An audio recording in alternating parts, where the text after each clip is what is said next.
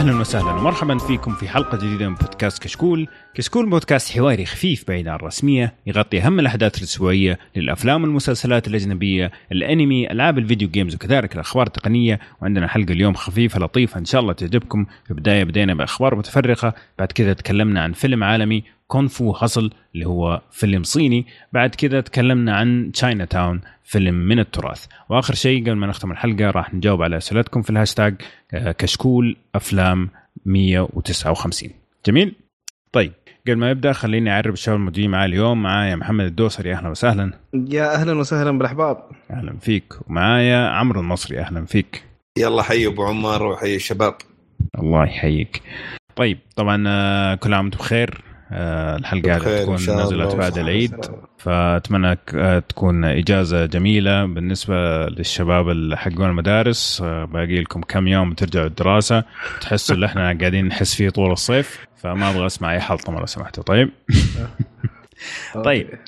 خلينا ندخل على أخبار على طول. ما عندنا أخبار كثير صراحة كلها أربع أخبار لكن الوضع شوية ميت اليومين هذه. لكن في واحد خبر كان ما ما أدري تقول عنه طريف غريب عجيب متوقع ما أدري. بس يقول لك آه كيفن سبيسي طبعا نزل آخر فيلم اشتغل عليه قبل ما تطلع الفضيحة اللي هو آه بليونير آه Boys Club يقول لك في الافتتاحية دخل بالضبط 98 pound 98 جنيه استرليني. هذا اللي دخله في أول آه، يوم من الافتتاح. إيش رأيكم في الكلام العجيب هذا؟ أول مرة اسمع في حياتي الرقم هذا. جيب ثلاثة يعني ثلاثة Big Mac meals أتوقع. أيوه أتوقع أكثر شوية بس. في لندن أيوه مربح يعني. والله لسعة. لسعة لسعة. لسعة مو طبيعية. يعني يمكن إذا إذا إذا الحكم اللي جاء عليه من القاضي ولا مثلا من الناس ما هو مؤلم كثر الرقم اللي ممكن يقراه على فيلم زي كذا. يعني خاصة إن ادمي متعود على الأفلام بالملايين. يا أخي ما أدري أنا انزعجت وأنا ماني دخل مع إن أنا مو اعيده يعني. بس لا مؤلم الرقم فعلا. آه يقول لك الفيلم نزل فقط في عشرة صالات. ما كثير من الصالات السينما أصلا ما رضوا يعرضوا الفيلم. وفعليا كانت الصالة الواحدة بمعدل شخصين فقط اللي راح يتفرجوا عليه. ف يعني تصدق عاد هنا يعني إيش جوهم اللي راحوا يتفرجوا؟ يعني أو خلينا نقول بلاش إيش جوهم يمكن هم ناس حياديين تماما. يعني يقول لك okay أنا مالي دخل هو كيف حياته الشخصية. أنا تهمني أعماله أبغى أروح أشوف أعماله. أيوه. حتى لو اعتبرنا إنه هم من هالعقلية.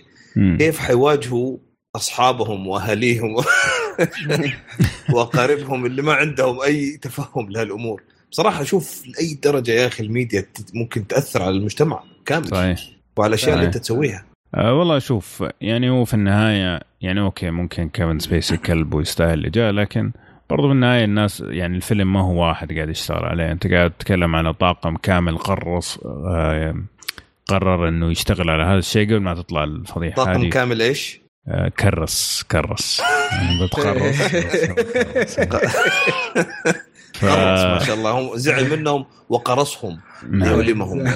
ويعاقبهم ف يعني شوف هو يعني لا تمشي هذه الأشياء محمد أنت لا تخاف شكلك لا. صابر كنت أنا ما ما لقيت قرصة الأذن هذه مثلك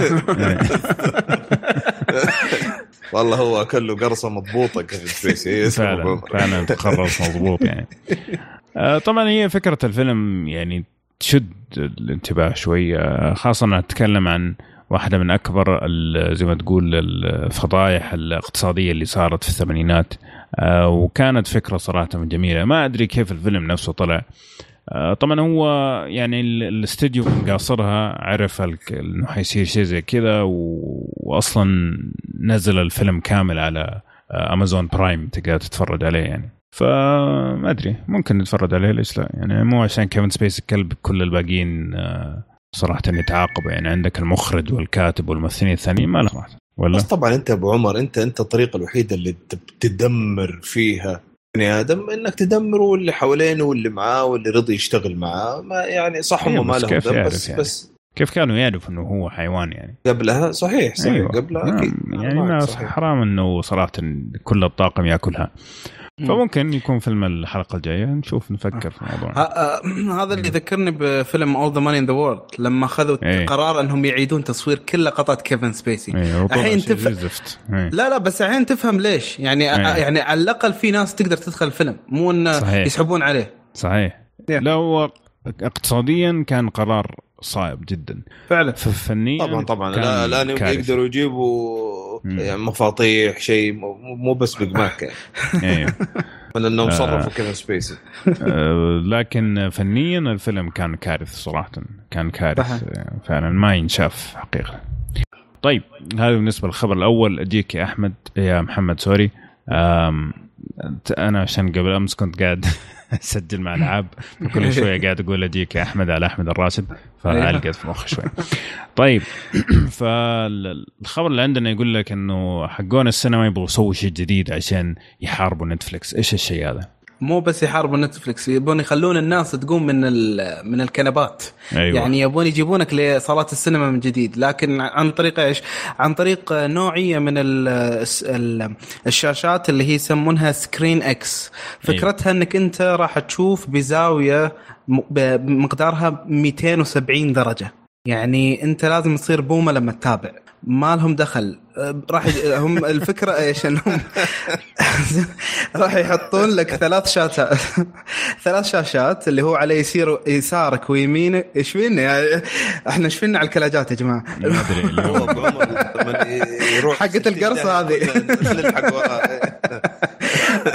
المهم إنه بقرص هذه. فالمهم إنه بتكون في ثلاث شاشات على يسار ويمين وقدامك. آه كيف راح يتم تطبيقها صراحة؟ الله أعلم. ولكن حاليا اللي قاعد يطبقها اللي هو شركة Cineworld آه في بريطانيا. فنشوف هل راح تنفع هذه التجربة السينمائية ولا لا. خاصة إن إحنا شفناهم قاعد يحاولون في بعدة طرق بما إنه مثلا يجيبون ال 3D وبعدين جابوا ال 4DX وجابوا تقنيات مختلفة.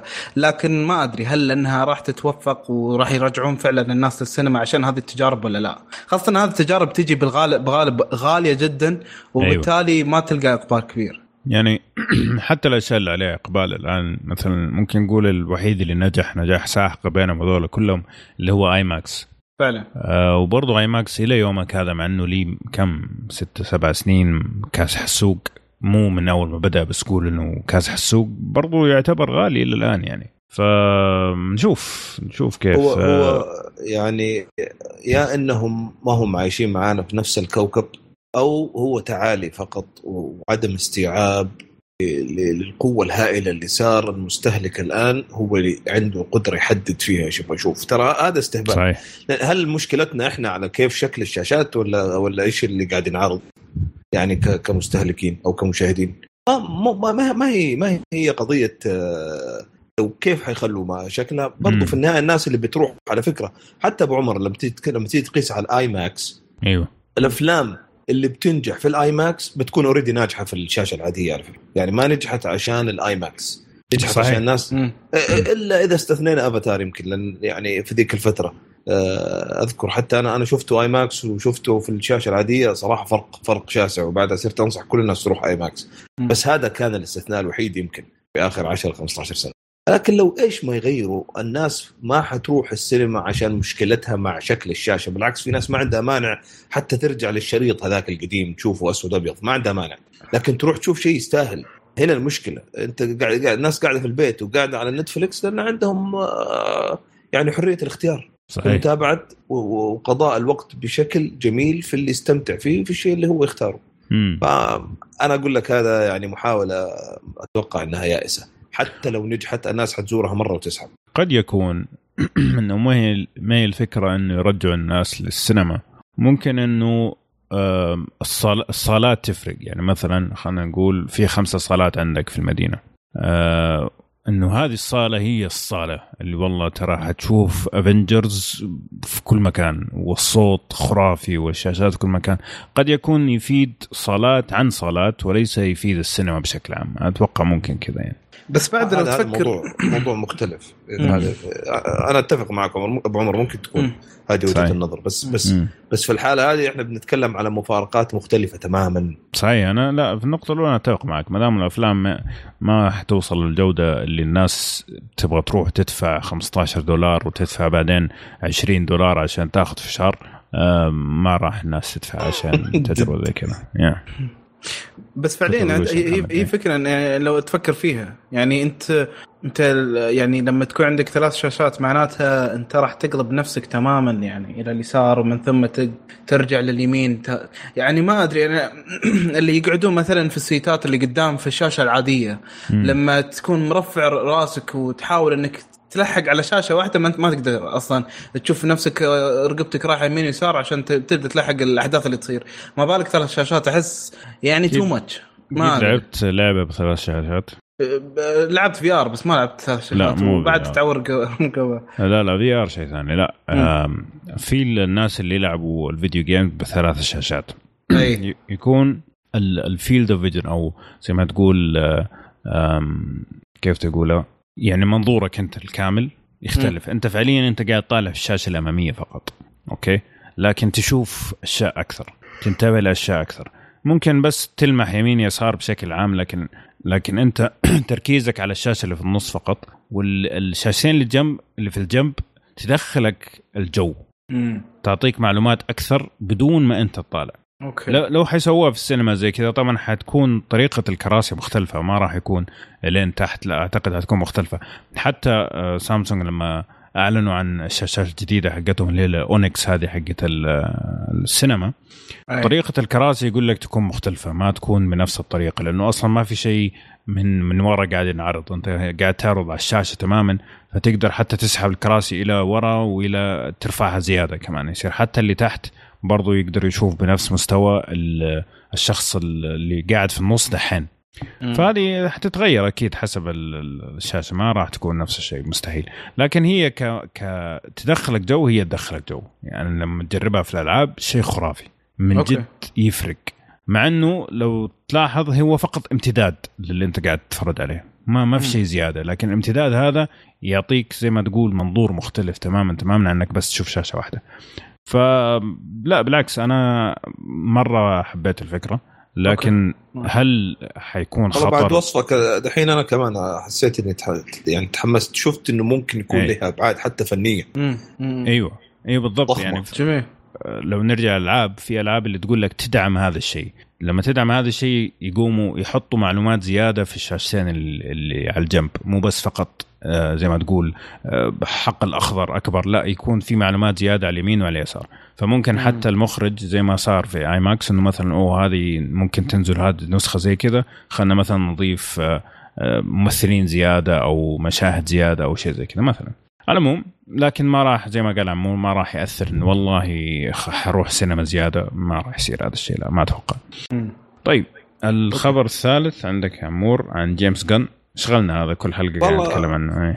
يعني هي هي إحنا كنا نتكلم قبل شوي عن كيفن سبيسي والعواقب للأفعال. هنا نفس الشيء يعني ما زالت مصرة جدا آه، مارفل إنه ما راح يرجع ولا يكون مخرج Guardians of the Galaxy قادم. مع إنه سمعت إنه هو حاول يروح يلتقي في في ال chairman وممكن يكون في تغيير في في القرار لكن هو من بعد ما اكتشف الظاهر ال tweets حقته السابقة هذيك إنه كان دمه على بعض الأمور المتعلقة بالاغتصاب وكذا. أيوه. آه فيبدو إنه ما زال ما زال out أيوه. بس ما أدري هل الممثلين راح يتخذوا إجراء آخر؟ مثلا يقول لك والله ما راح نمثل إذا ما راح يرجع. أتوقع ممكن يسوي شيء زي كذا. مو مو من صالحهم هو. يعني ماني شايف يعني هو ما هو نفس قضية كيفن سبيسي طبعا ما هو بنفس ال... يعني مو بنفس نسبة ال... نقول العدائية من ال... من ال... من العموم اللي جاته.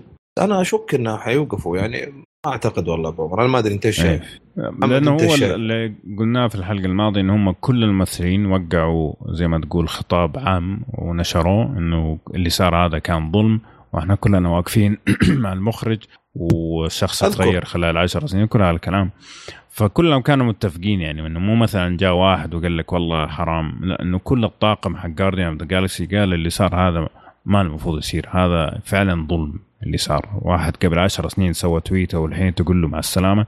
ف ما أدري أشوف إنه ممكن يقولوا له والله ما نبغى لأنه لو أنت قاعد تكلم كل الطاقم يقول لك ما نبغى ترى أنت دمرت أم السلسلة خلاص. انتهى قال Galaxy بدون الخمسة هذول إيش إيش حيصير؟ يعني حيصير فيلم ثاني. فهمتني؟ صح. فعندهم القوة. بس أنا ما شو أنا أنا أنا بس ما أدري يعني إذا كانت حتوصل لأن الموضوع أكبر من مجرد Guardians of the Galaxy يعني م. الموقف اللي ماخذينه هم أكبر من فيلم وأكبر من الممثلين. ووجهة النظر اللي بياخذوها كلهم الآن والزاوية أنت عارف. م. أكبر من هذا كله يعني. فعشان كذا أنا شايف ما حيرجعوا. يعني ما راح يعني حيأجلوا الفيلم وحيأجلوه سنة وسنتين لين يهدوا وخلاص ويقتنعوا الممثلين حيحاولوا المستحيل ولا انهم حي... حيتنازلوا عن الموقف اللي قاعد تاخذه هوليوود الآن من هالموضوع. حتى لو كان قبل عشر سنين. أنا شايف كذا صراحة. إيوه. لا أنا أشوف آه، موضوع ديزني أكثر من هوليوود يعني عندهم عندهم كذا قناعات عجيبة صراحة. لكن خلينا نشوف إيش يصير. ممكن يصير في تطورات مختلفة. لكن اللي عرفناه الآن إنه آه، ديزني قالت إنه ما راح نرجع جيمس غن وحنشوف مخرج ثاني ونشوف كيف حيطلع الفيلم عاد لما يسوي. أوكي. آخر خبر عندنا اليوم. خبر برضو عن نتفليكس آه، طبعا نتفليكس كان عندها صفحة لل reviews تقييمات أو المراجعات للأشياء اللي موجودة على منصتها. وكان يعني في معلومات وافية جدا. طبعا مو ما قصدي بال reviews اللي موجود في في الموقع حق نتفلكس اللي هو تحط آه، ممتاز ولا سيء ولا زمان كان أربعة من خمسة نجمات لا كان عنده موقع لحاله تقدر تكتب كذا review كلمة كلام وترى هذا الممثل ممتاز كل الكلام فاللي صار طبعا إنه في ناس صار عندهم متابعين كثير. في والناس يروحوا ويشوفوا ال reviews حقتهم قبل ما يشغلوا الفيلم حق نتفليكس ولا المسلسل. فنتفليكس قالوا خلاص قفلنا هذه الخدمة. الناس قالوا سلامات كيف كذا. فنتفليكس صرفتها وقالت إنه ما ما في ناس كثير بيستخدموا هذه الخدمة. وإحنا شايفين إنه ما في داعي إنه نسوي له صيانة وما أدري هم قاعدين يشتغلوا بيدهم يسووا له صيانة ولا إيش. فقالوا إنه ما ما في داعي نقعد نسوي له صيانة ونحتفظ بهذه المعلومات وزي كذا. فقفلناها. فالناس قاعدين يقولوا أو النقاد قاعدين يقولوا إنه في أشياء كثيرة عليها reviews سلبية. الناس مرة ما بتتفرج عليها. الناس بيدخلوا يشوفوا reviews سلبية وبيسحبوا عليها. ونتفليكس ما تبغى هذا الشيء. تبغى إنه كل حاجة على الأقل تعطيه فرصة اسمك انك دخلته وشفته ما عجبك؟ okay fine. بس آه، يعني غير كذا ما ينفع. حتى لدرجة إنه يقول لك يبغى يشيلوا ال thumbs up وال thumbs down هذه اللي موجودة في موقعهم اللي هو ممتاز ولا سيء حتى هذه يبغوا يشيلوها تماما. فما أدري إيش رأيكم في, في هذا الشيء؟ بس أنا أنا ما فهمت ابو عمر يعني إيش إيش إيش هدفهم Netflix الآن؟ يعني هاي التصريفه هذه ما نبغى نسوي صيانه هاي تصريفه بس انت إيش إيش إيش أنت استشفيت يعني؟ نظر يعني ماني فاهم إيش وجهة نظرهم وجهة نظر الناس إنه نتفليكس ما تبغى أي شيء على منصتها يكون في حاجة مثلا سلبية بشكل عام. يعني مثلا تجي تدخل على The Dark Tower مثلا اللي أنت تفرجت عليه أوكي؟ ما ما تلاقي إنه كل الناس قاعدين يقولوا سيء لا تتفرج ترى معفن ترى مو هو نفسه Dark Tower حق حق آه، شو اسمه آه، هذا. عمور أيوه ما ما يبغوا شيء زي كذا. يبغوا إنه زي ما صار لك أنت أو The Dark Tower خلني أشوف. تضغط وتتفرج. فهمتني؟ حلو. يبغوا يشيلوا أي حاجة تمنع الصدفة هذه إنك تتفرج على شيء سيء. فيبغوا يشيلوا أي شيء سلبي للأعمال اللي موجودة على منصتهم خاصة أعمالهم هم. فهذه الفكرة يعني. فهمت فهمت فهمت. يعني ما ما يبغى أي واحد يجي يبغى يتصفح. على آه، المنصة حقت نتفلكس إيه. ويجي يختار شيء آه، آه، إنه يسمع أي شيء سلبي يمنع من إنه يختار الشيء هذا. بالضبط. محمد إيش رأيك؟ والله شوف هو أصلا أصلا البرمجية اللي هم مستعملينها حق هذا الشيء ضعيفة جدا. يعني من من قبل. وتطلع لك ريزولتس ما أدري شلون صايرة. هي طبعا ال ال النتائج اللي أنا أشوفها طبعا غير اللي مثلا أنتم تشوفونها لأن هي مبنية على مشاهداتي أنا وتقييماتي أنا للأفلام السابقة. بناء صحيح. عليها راح تعطيني آه، يعني تقييمات معينة. فهذه أصلا بعد ذاتها يعني ما هي دقيقة وأيضا ما عمري نظرت فيها. لكن آه، ما أدري هم إيش هل أنهم آه، شافوا هالشيء انه فعلا اثر مثلا من من خلال اللي هو الإحصائيات اللي عندهم. آه، فعليا أنك يعني تشيلها ما راح تضر الناس. راح تروح IMDb راح يشوفونها في Rotten Tomatoes بيشوفون تقييماته بيرجعون يعني يا إنه يسحبون عليه إنه يكملون. واصلا أنا أشوف اللي موجود عندهم الموقع واجد أرحم من اللي موجود مثلا في IMDb و Rotten Tomatoes اللي يكونوا مثلا خاسفين فيه معطينا مثلا خمسة وأربعة بينما في موقعهم يكون مثلا عادي 70 80 فأنا أشوفها خطوة غير موفقة. آه ما أشوفها ابدا يعني مدروسه أصلا. كمتابعين كمتابعين أنا معك كمتابعين أنا معك بس ك ك ك Netflix بالنسبة لي أنا لا أفضل إنه ما أفضل إني أضمن كل واحد يجي حيشوف كل شيء. لأن أنت لو لو قللت كيف كيف ينظروا له هم محمد؟ لو لو إيه؟ لو لو كل ما أنت تجي تشوف شيء وعرفت إنه هذا الشيء ممكن شيء فيه ما يعجبك وهذا الشيء اللي فيه ما حيعجبك وهذا ما حيعجبك أصبحت هنا كمية الأشياء اللي أنت تشوفها تقل. تقل. وكل ما تقل أنت حتقول أنا ما لقيت كل شيء ابغاه في نتفلكس فيجي يوم من الأيام ممكن خلاص تقول أنا مخلص ما عندي شيء أشوفه في نتفلكس وإذا استمرت على كذا وكبرت المساحة حتيجي تقول خلاص أنا ما أبغى أجدد الشهر هذا ولا ما أبغى أجدد الشهر الجاي. آه نتفلكس شفت كل شيء عندهم ما في شيء عندهم حيعجبني. فبالنسبة لهم كنتفلكس مو من مصلحتهم. آه عشان كذا أنا متفهم الآن ليش هم كذا بالنسبة لهم هذا يعني يعني خطوة مهمة. مم. بس طبعا تصريف هذه شغلة وصيانه إيش هذا كلام فاضي. لا على على على الناحية الثانية أنا معك صح محمد إنه المتابعين اللي فاهمين اللي هم ترى مش الأغلبية على فكرة. آه هم هم اللي حيروحوا يشيكوا في Rotten Tomatoes ولا في IMDb و لكن أغلبية الناس ترى اللي يقترح له يشوف له اللي يقترح يشوف. لا لا أكيد هم فاهمين. آه، أكيد ما دام عجبني هذا أعطوني هذا. اغلب أغلب ال ال يعني الناس اللي ما هم متعمقين في تفاصيل الميديا بس يبغى يتفرج أي شيء ترى يشوف اللي اللي ينعرض له يشوف. صحيح. هم ف... هم لو ف... هم, هم هم لو مهتمين بهالنقطة يعدلون الأسماء والصور الله يحييهم يعني. كلها صح. صح. هي اللي فعلا يعني أنا مسمياتهم كلها بالجمل. مثلا آه، عند عندنا واحد الله يذكره بالخير في في العائلة شايب. أيوه. يعني اعطيناه هو يعشق المسلسلات والأفلام الأمريكية بس له 10 سنين ما بيتفرج. شيء عرفت؟ ما عنده access فجينا ضبطنا له ال account وضبطنا له Netflix ووريناه في الريموت كيف يشوف. آه تذكر وحطيت له أنا في ال في ال يعني في الوش ليست حطيت له كذا ست سبع مسلسلات وكم فيلم وهذا قلت قلت له اتفرج لين يعني تخلصهم إيه. وبعدين وبعدين أعطيك أنا غيرهم بس عشان أوريك بعض بعض المشاهدين كيف وكثير منه شريحة زيه آه، تذكر السفره اللي سافرت فيها إجازة بعمر آه، قبل كم شهر ورحت أمريكا ورجعت. أيوه. أنا رحت شهر ونص ورجعت شاف ثلاثة أضعاف اللي أنا حطيته. واو. فكل شيء ثاني شافه كان من المقترحات. اللي سب فيه اللي اللي مد... بس كله شافه يعني. أيوه أيوه. كل شيء شاف من المقترحات فهمت؟ ففي ناس كثير زي كذا فتخيل هذه Netflix قديش مبسوطين منه ومن اللي زيه. حيشوفوا خلاص ما حيروحوا يشيكوا. آه لكن لو فينا لو لو أعطتك هي لو Netflix نفسها أعطت المشاهد أدوات تخليه مشاهد أذكى مو من مصلحتها هذا مقصدي أنا فهمت؟ مو من إيه، مصلحته. حلو. بس يعني. طيب. آه على العموم آه هم تقييم عندهم زي ما قال عمور يعني بالنسبة ممكن لبعض المشاهدين ما يفرق لكن في ناس كثير فعلا بعد ما شالوا الخمس نجوم وحولوها ل thumbs up و thumbs down الوضع عندهم أصلا صار ما عاد صاروا يقيموا أصلا. يعني يخلص هذا ما عاد يقيموا عشان آه، ما يطلع له شيء أبو كلب آه، في الاقتراحات فهمتني كيف؟ لكن آه ما أدري والله.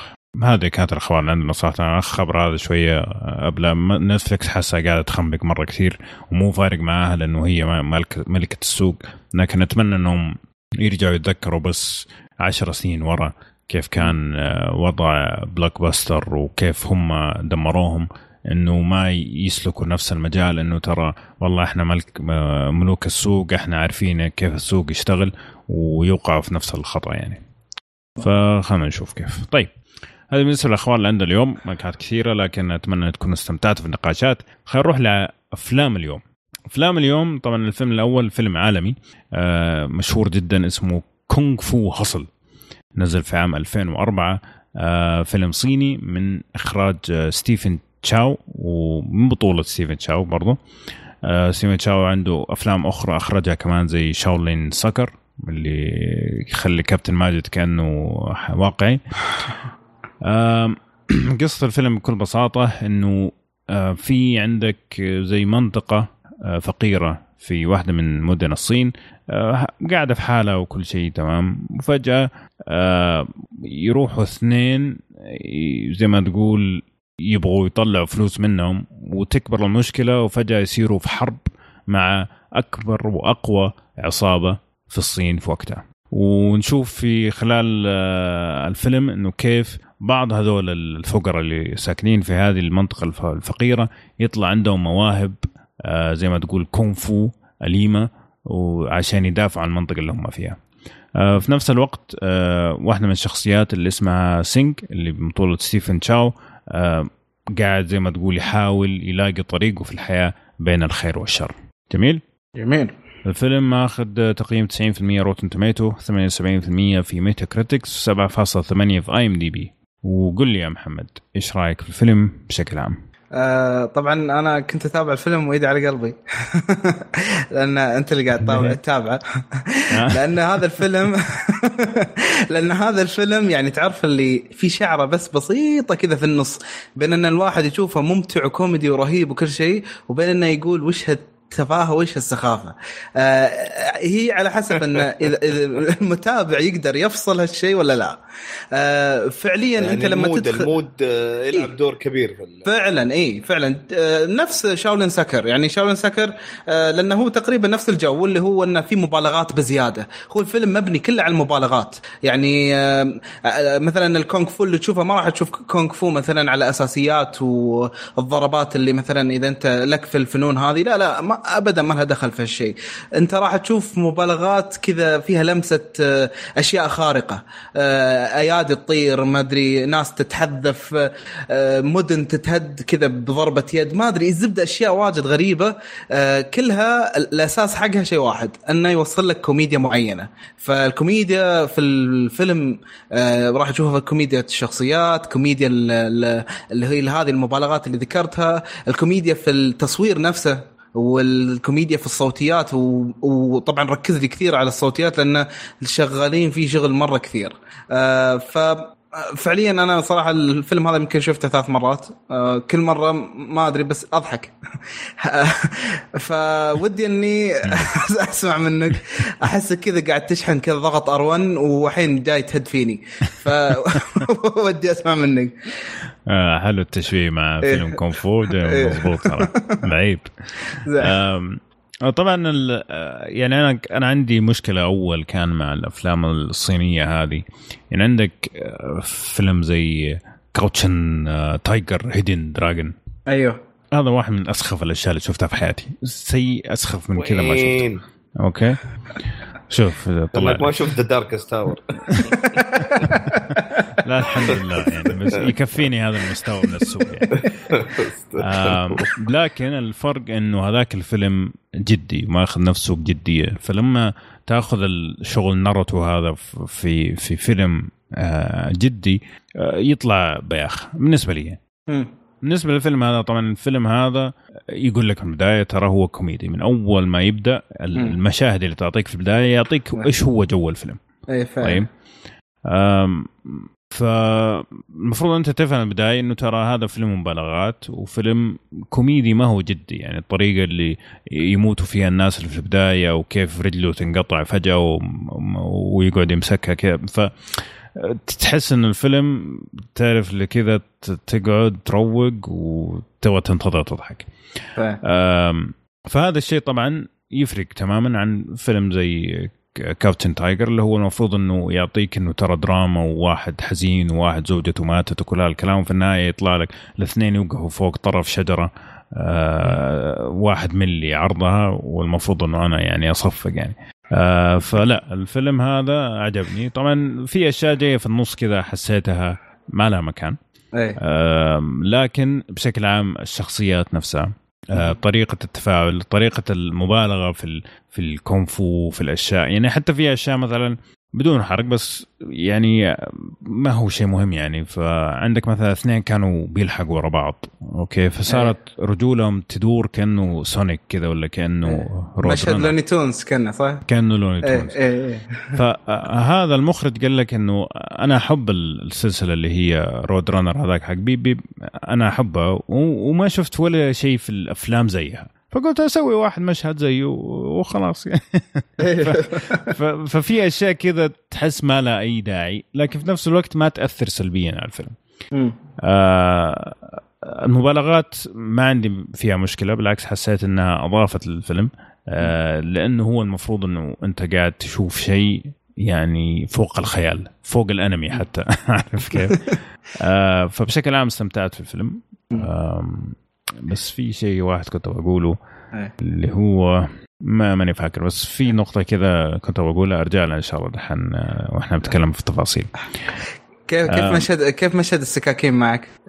رسمي خمسة مشهد السكاكين هذه كوميديا ثمانيناتية بحتة. يعني ذكرني كثير ب Hot Shots الأفلام هذه اللي هي تستهبل على أفلام ثانية يعني. إيه،. آه، ف, ف يعني ما ما كان ما أقدر أقول لك إني مت من ضحك لكن متفهم الكوميديا اللي هم يبغوا يوصلوها إيه، يعني. لا هو لأنه فعلا الفيلم حاول إنه يجيب يعني مشاهد من عدة أفلام. يعني شفنا مثلا آه، لقطة ال blood bath هذا اللي آه، اللي دم يطشر هذا اللي شفناه نفسها في ال Shining مثلا. ولا شفنا مثلا آه، ترى كانوا يطقطقون شوي على فيلم Crouching Tiger هذا Hidden Tiger اي هذا. اي في كم لقطة كذا Matrix فيعني في هذه ال portraits اللي أوه هذا من الفيلم الفلاني. في الناس تحب الحركات هذه لما يسوونها بعض الأفلام. أيوه. أنا أنا شخصيا حبيت شغلتين ومرة حبيتها. ال backstory رغم أنها كانت درامية وفيها كذا لمسة حزين إنك تحزن على الولد لما كان صغير أي. ومع ذي لأن يعني على أنها لمسة درامية كذا خفيفة وحزينة لكنها جاية في وقت مناسب. يحطونها في يعني اثر تأثر فيك. ما أدري ليش مع انها مع إنها مرة بسيطة. صحيح. آه هذه هذه واحدة يعني من الأشياء اللي حبيتها. وأيضا حبيت الحروب الداخلية والخارجية. الحروب اللي بين أهل القرية بين بعضهم هاي مع مثلا مع الكبيرة هذه كبيرتهم وشلون إيه. تهزئهم كلهم. أيوه بالضبط. وبينهم بين مثلا الحرب مع هذول عدة عناصر طبعا هم مو عنصر واحد بس عدة مم. عناصر يعني. أيوة. فرهيب هذا هذه ال combinations اللي موجودة. فعلا. وفي في حاجة كمان يعني أوكي هو فيلم ضحك كل شيء لكن آه في تركيب الشخصيات في عمق جميل. يعني واحدة من الشخصيات مثلا الموجودة في, القرية شخصية كريهة يعني فعلا تكرهها وتقول ليش هي كذا ولا ليش هو كذا. هم أكثر من شخص بس كل واحد عنده أيه. مشكلة نفسية. أيه. يعني فعلا كريهين. آه لكن مع سرد الفيلم تبدأ تقول والله منطقي. يعني مع إنه الفيلم جاي كأنه استهبال وكأنه في نوع من الاستغباء وفي نوع من ال ال زي ما تقول إيش قلنا قبل شوية؟ إنه يكون رده الفعل أكثر من اللازم يعني في مبالغات يعني مبالغات لكن تركيب الشخصيات نفسه منطقي. صحيح. يعني يخليك ترتبط معهم يعني الشخصيات في بداية الفيلم لما تخلص الفيلم تقول والله هذه الشخصية في البداية كنت كارهها. دحين صراحة من أفضل الشخصيات عندي. ففيها حبكة آه، في الكتابة جميلة. على فكرة ميزانية الفيلم 20 مليون فقط. يا سلام. وأشوف الشغل اللي سووه من ناحية ال CG وكذا آه، ممتاز. مع إنه في بعض ال CG كان رخيص لكن بشكل عام مقارنة بالميزانية اشوفهم سووا شغل مرة كويس. صحيح.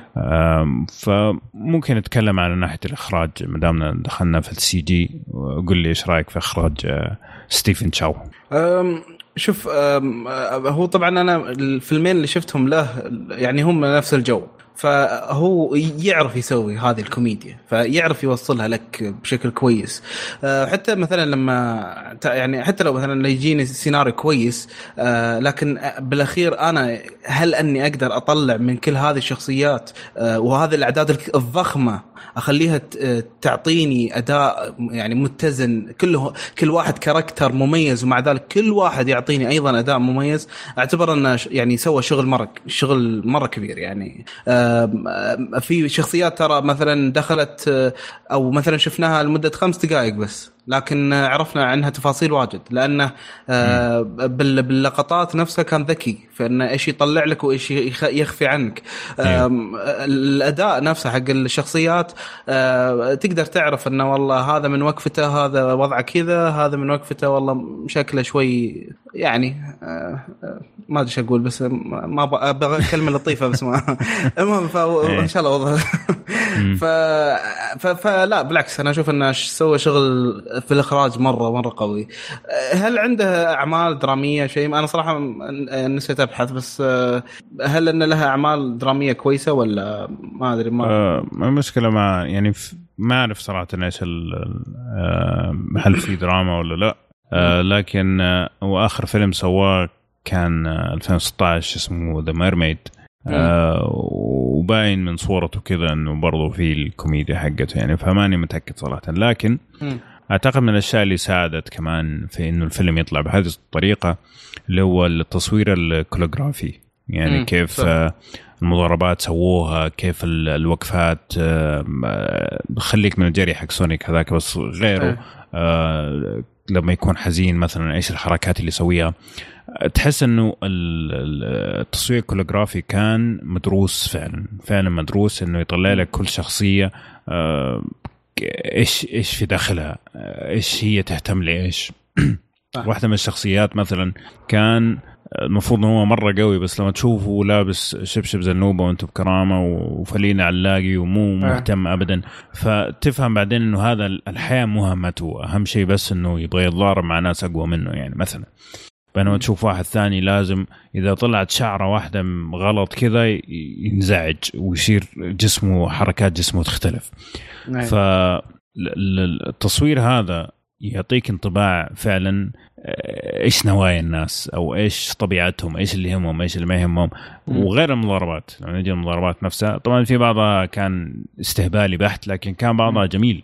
آه. آه عندك مثلا اللي يعزفوا موسيقى هذولاك اي فعلا الاثنين صح صح, صح. المضاربة حقتهم كانت جميلة جدا صراحة جميلة يعني مو بس استهبال لا كان فيها جمال فاتوفق هو صراحة في اختيار المخرج الكوليغرافي آه ساعده كثير في إنه يطلع لنا فيلم بهذا الجمال صح. طيب كيف التمثيل؟ التمثيل يعني زي ما ذكرت قبل شوي إنه يعني كان جزء من إن آه، الفيلم يطلع لنا بهذا الشكل انه يكون الممثلين أدوا ادائهم يعني مثلا عندك هذه رئيستهم زي ما قلت شو اسمها؟ سانساو أو شو اسمها؟ أو هذه اللي هي آه، حقة القرية هذيك اللي landlady يسموها. اي اي أو شيء زي كذا. يعني مثلا هذه أدائها ممكن أن لو تعطيها واحدة مو يعني مو كويسة راح تشوف على طول إنها مبالغة. لكن آه اي آه هي مع زوجها كذا تركيبتهم شلون إن زوجها شوي صاير خبل وما عنده ما عنده سالفة وشلون هي مع يعني هم مع بعض كذا يعني يمثلون بهالطريقه أقنعوك اثنينهم إن لا يعني لا هذول ممكن يكونون في هذا المقام حقهم اللي هو آه، يرأسون هذه إي أو شيء زي كذا. كل كل شخصية أدت اللي عليها بحيث إني ما انتبهت حق واحد إنه مثلا أوه والله هذا سيء ولا لا. صحيح. إيه. حتى ترى من أول أول خمس دقائق آه، لما بدوا آه، كذا الفيلنز آه، شلون قاعدين يرقصون باستهبال وما لهم خلق وهذا. إيه خلاص تبدأ تعرف إن الكل قاعد يعطي من نفسه من أول ثانية إن إحنا عندنا استهبال ولكن إحنا أيضا نبي نبين إن إحنا عندنا الجانب الشرير. الكل أعطى كل اللي عنده يعني. أيوه. على قول واحد يقول يا أخي وأنت بتتفرج على الفيلم تحس الناس اللي قاعدين يمثلوا مبسوطين. اي فعلا صح. فعلا. في هذه صراحة. طيب كنت بتقول شيء عن الصوتيات في بداية الفيلم؟ إيش النقطة عندك عن الصوتيات؟ اي شوف هو آه، نقطة كبيرة في الفيلم آه، هي لعبهم على التصميم الصوتي. مرة شغالين عليه بشكل مرة كبير.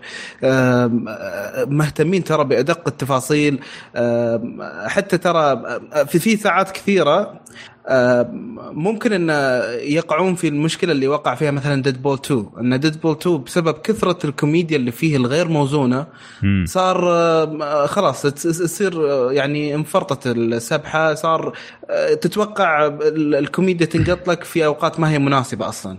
أيوة. بينما هنا لأنها لأنهم استعملوا الصوتيات بالشكل هذا صارت الكوميديا في الفيلم كله متزنة ترى. حتى مثلا جاب لك كوميديا كوميدي كوميدي كوميدي. بعدين جاب لك مثلا المشهد اللي هو حق القتال هذا حق الموسيقى. ف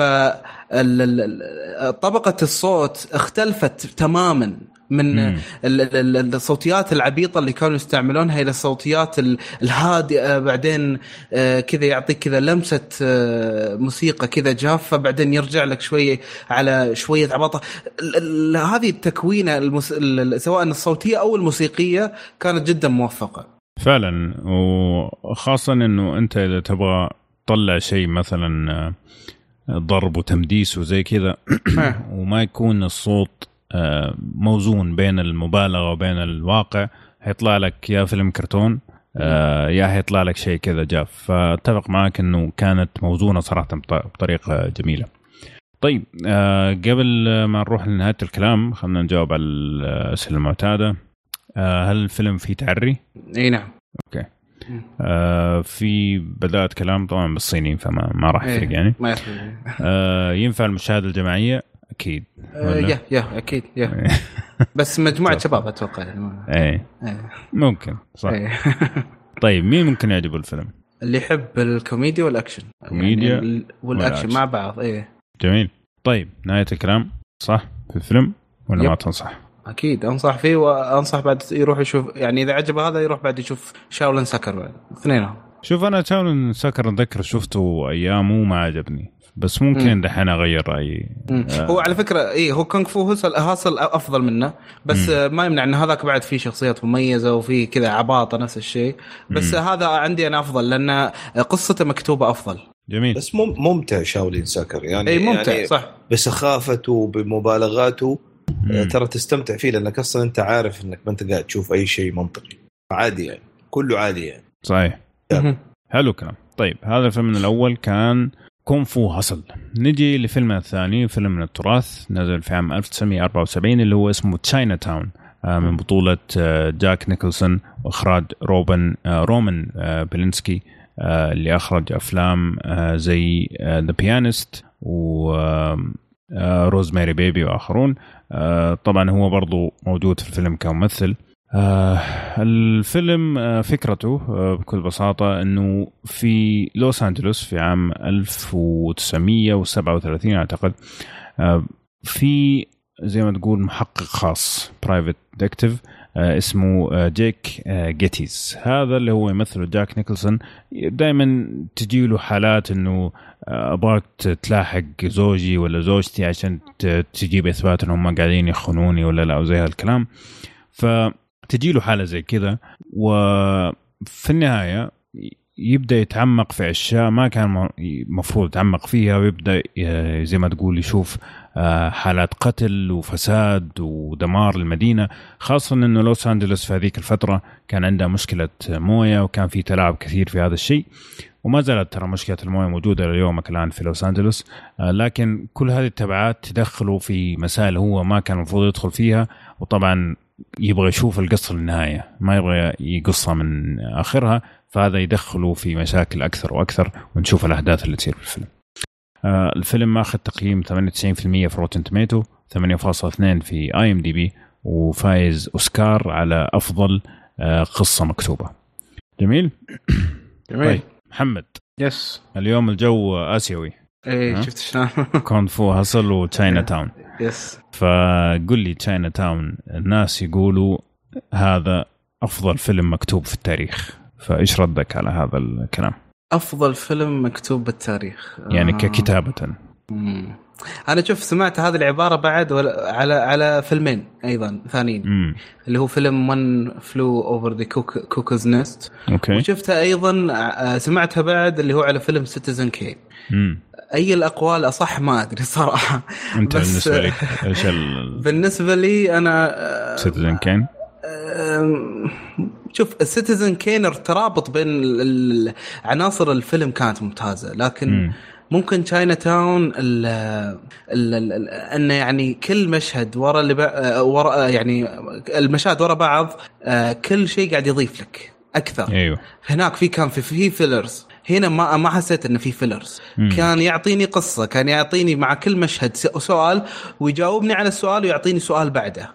ف آه، يعني آه، أنا كمشاهد آه، يعني بقاني يعني ضمن هذه المعادلة حقته كفيلم طول الفيلم. يعني حتى لو أنه كان مثلا في ساعات بسيطة يكون pacing ال حقه بطيء لكن لا زال الفيلم قاعد يضيف لي والفيلم يخليني أتساءل لأن okay. في عنصر الغموض لكن أيضا قاعد يعطيك إجابات فهذا الأهم الفيلم طبعا زي ما قلت أنت يعني من أول لحظة إلى تقريبا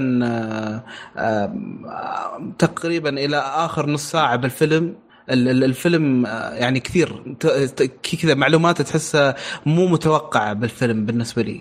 أه سواء مثلا الشخصيات نفسهم وهذا لأن أصلا زي ما تقول القصة كاملة مبنية على عدة طبقات لقصص يعني مشتتة بالفيلم. أه واللي أقصدها اللي هي قصص شخصيات نفسها. فكل ما تتقدم بالفيلم راح تتطور هذه الشخصيات راح تتطور هذه القصص وبالتالي راح تعرف تفاصيل أكثر. ففي لها الجانب اللي هو جانب الشخصيات وجانب النفسي للقضية القضايا نفسها. أوكي. يا أتوقع قلت كلام واجد فانت الحين يبي لك تشبك. آه لا لا إيه. أعتقد واضح إذا تكلمنا عن السكريبت. إيه. آه طيب فأنت عندك تقول للفيلم إنه بالنسبة طبعا إنه كان شادك بشكل عام من البداية للنهاية والترابط كان أكثر لكن إيش المميز كان في الفيلم؟ بالنسبة لك ليش ليش قلت الكلام هذا؟ إيش اللي كان فيه حاجة كذا أو حاجات تقول لك إنه هذا فيلم ترى فيلم عظيم؟ شوف أنا ما أحب آه، الفلسفة يعني في بعضهم يجيب لك فيلم قديم ويقول لك هذا ما صار مثله وما أدري إيش واللي يتكلم عن هذه الأفلام يسمونه محنك وما أدري إيش. هذه الدوامه هذه ما أحبها. بس بس عندنا إحنا محنك بس أيوه. فعليا أنا الفيلم صراحة من أول لحظة آه، وأنا مرة مستمتع فيه. يعني جاك نيكلسون بالحوار خاص من البداية بدأ يدخلك بجو شخصيته هو. وخلاص تبدأ مثلا تدخل في جو القصة إنه يجيه الطلب إنه يلا روح دور على وضع زوجي ومن هالقبيل هو يبدأ مهمته. اللي يبدا اللي بديت أو مشيت أنت فيه كأنها مهمة آه، اتضح لك أنها أكبر من كذا وأعمق من كذا. اي فبتبدأ تت... يعني كل ما تقدمت القصة راح تتعرف على شخصيات أكثر فبتشوف قصص أكثر. هذا اللي خلاني مرة يعني خلى الفيلم يعجبني كثير صراحة. فما أنت إيش رأيك؟ يعني هل أنت شفت نفس الشيء ولا لا؟ آه، طبعا الفيلم في البداية شدني مرة كثير. آه، جاك نيكلسون أصلا عنده كذا كاريزما تخليك تعدل جلستك لما يطلع على الشاشة حقيقه. فعلا. آه الكتابة الحوارات اللي في البداية طريقة السرد كيف آه، سرد لك أول شيء هو كشخصية كيف تعامله مع مع مهمة ثانية وكيف بعدين لما جاته هذه المهمة كيف تغير طريقة تعامله معها. الطرق اللي يستخدمها عشان يحاول يلاقي على على الناس اللي قاعد تتابعهم الأشياء اللي آه، ممكن تدينهم أو هذا الشيء كله كان مكتوب ومرسوم ومتنفذ بطريقة جميلة جدا. صح. القصة نفسها طبعا ما هي قصة يعني قصة آه، نوير بشكل زي ما تقول تيبكال أو يعني نموذجي لكن آه، برضو في نفس الوقت تشدتك. يعني كل أفلام نوير بشكل عام يكون واحد بيحقق في شيء ويدخل في شيء ثاني ما المفروض يدخل فيه. لكن هذه سووها بطريقة فعلا تشد خاصة إنه أنت قاعد تتكلم على مصير مدينة مثلا كاملة مو مصير شخص ولا شخصين ولا شركة. لكن بالنسبة لي أنا إلى نص الفيلم ماني قادر أرمش صراحة يعني الفيلم شادني بشكل مو طبيعي م. بعدين نزل مستوى أيوة. بالنسبة لي كثير صحيح صحيح آه يعني النصف الثاني من الفيلم ما يقارن بالأول ابدا الأول بالنسبة لي يعني فعلا ماني قادر أتحرك من مكاني من كثر ما كان شيء جميل اللي قاعد أتفرج عليه م. الجزء الثاني يعني مو بس إنه فقدت شوية من شدة الانتباه لكن شوية مليت كمان. في بعض الحوارات حسيتها كانت ممكن تكون أحسن. آه طريقة السرد كان ممكن مثلا يكون هنا شوية أقل هنا شوية أكثر. نهاية الفيلم نفسه كانت نوعا ما فلسفية أكثر منها نهاية فيلم. آه وهذا يعني أنا لو في يعني طريقة أقدر أقولها بطريقة محترمة كان قلتها لأن فعلا النهاية كنت أقول يا ليتني موقف قبل خمس دقائق من اللقطة الخايسة. فعلا آه لأن تحسها لخبطه يعني تحس المخرج قال لهم آه أنا ما راح أقول لكم النهاية بس يلا سووا أنتم أي شيء ارتجالي وما أدري صوروا وبعدين حاطه ما أدري شلون. أيوه. إيه. لكن لما تجي تفكر فيها نهاية فلسفية خاصه آخر جملة اللي يقول اللي تسمعها في الفيلم. الجملة هذه من كثر ما مشهورة يعني صارت تقال في كل المواضع اللي زي الموضوع هذاك انه إنه مثلا شخص ما بيده شيء ولا يصير شيء ما هو يعني بشكل عام ما تقدر تتصرف فيه. okay؟ آه طبعا هذا كان قبل النهاية. فتفكر فيها النهايه فلسفية. okay؟ و make sense يعني ليها منطق. لكن فنيا قصصيا تحس انه الفيلم ما خلص. صحيح. تحس إنه باقي كذا عشر دقائق ربع ساعة. طيب شوية بس بس شوية. فكان في تضارب صراحة في متعة الفيلم. مم. بشكل عام أقول لك فيلم ممتاز جدا. يستحق تقييماته بشكل عام يعني. 98 أشوف كثير لكن أفضل كتابة قصصية أختلف أنا صراحة مع المقولة هذه. آه لأنه ما ما كان متزن إلى الأخير كان متذبذب خلينا نقول. آه أسلم. إيه هو طبعا هناك المنشآت اللي مسؤولة عن اللي هو سدود المياه وكذا آه اعتمدوه ترى كفيلم أنه صار عندهم دائما يعني يتداولونه في المنشآت عندهم إيه. آه وحتى دائما يقولون له تأثير إيجابي عندهم في في المجتمع فيعتبر فيلم مهم صراحة واللي يعجبك فيه انه منعرجات القصة نفسها كثيرة. أيوه. ما هي توستات بس منعرجات واجد. يعني زي ما تقول ما هو فيلم دايركت. لا في أكيد واحدة من الشخصيات راح تشد شوي فبتغير لك مسار قصة هنا ولا هناك. آه، فهذا اللي زي ما تقول يبقيك متحمس آه، تقريبا إلى نص الفيلم. بعدين نص بعدين يصير تقريبا الجو الفيلم واحد. من كذا بغالب إنك فقدت الحماس يعني أو تنتقل فقدت ال... ال... إيه. إيه تنتقل التركيز ينتقل شخصي شوي. فعلا آه. أعتقد هذا اللي اللي خلى الفرق في في السرد. يعني لما تتكلم عن نص الفيلم الأول أنت قاعد تتكلم عن مصير مدينة كاملة مصير يعني خفايا مجتمع. بعدين صار يتكلم عن ثلاث شخصيات فقط. آه ولما صار التركيز عليهم كثير حسيت الفيلم ضعيف مرة. لأنه. ما أعتقد إنه هم كانوا كفاية إنه يعبوا لك نص فيلم الشخصيتين هذه أو الثلاثة. صحيح. لكن هل هذا الشيء مثلا أثر في متعة الفيلم؟ أثر لكن مو لدرجة إن أقول لك مثلا لا تشوف الفيلم. لا الفيلم أشوف إنه حنقصها من آخرها. الفيلم أشوف إنه ينشاف لازم ينشاف اكشلي كقصة كطريقة نوير ممكن من أفضل الأفلام. م. لكن مو فيلم كامل. يعني اللي يجي يقول لك أفضل فيلم في التاريخ وتيجي تدخل بهذه العقلية حتخذل. لكن لما تعرف نعم. إنه الفيلم في لا في لقطات أفضل من لقطات في عيوب في أشياء أقل من الاشياء حتستمتع الفيلم أكثر إنه أنت عارف إنه ترى الفيلم ما هو كامل زي ما الناس يصوروه. أنا أعتقد هذا الشيء. طيب آه كيف التمثيل كان؟ داك نيكلسون والآخرون. كان كويس بس مو أكثر ما يعني مو أقوى شيء عنده إيه. يعني أيوه. أنت خاصة إنه في السبعينات هو قدم يعني أداء مثل One Flew Over the Cuckoo's Nest يعني حتى حصل عليه الأوسكار لأنه فعلا عطى عطى كل ما عنده هنا تحس أيه.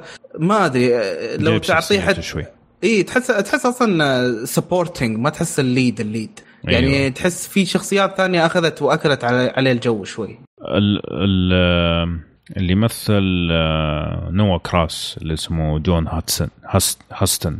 اي هذا كان تمثيله جامد صراحة. صحيح صحيح.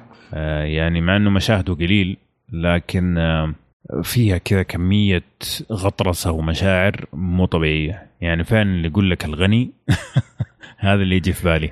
واحد غني مت كذا متملك المدينة.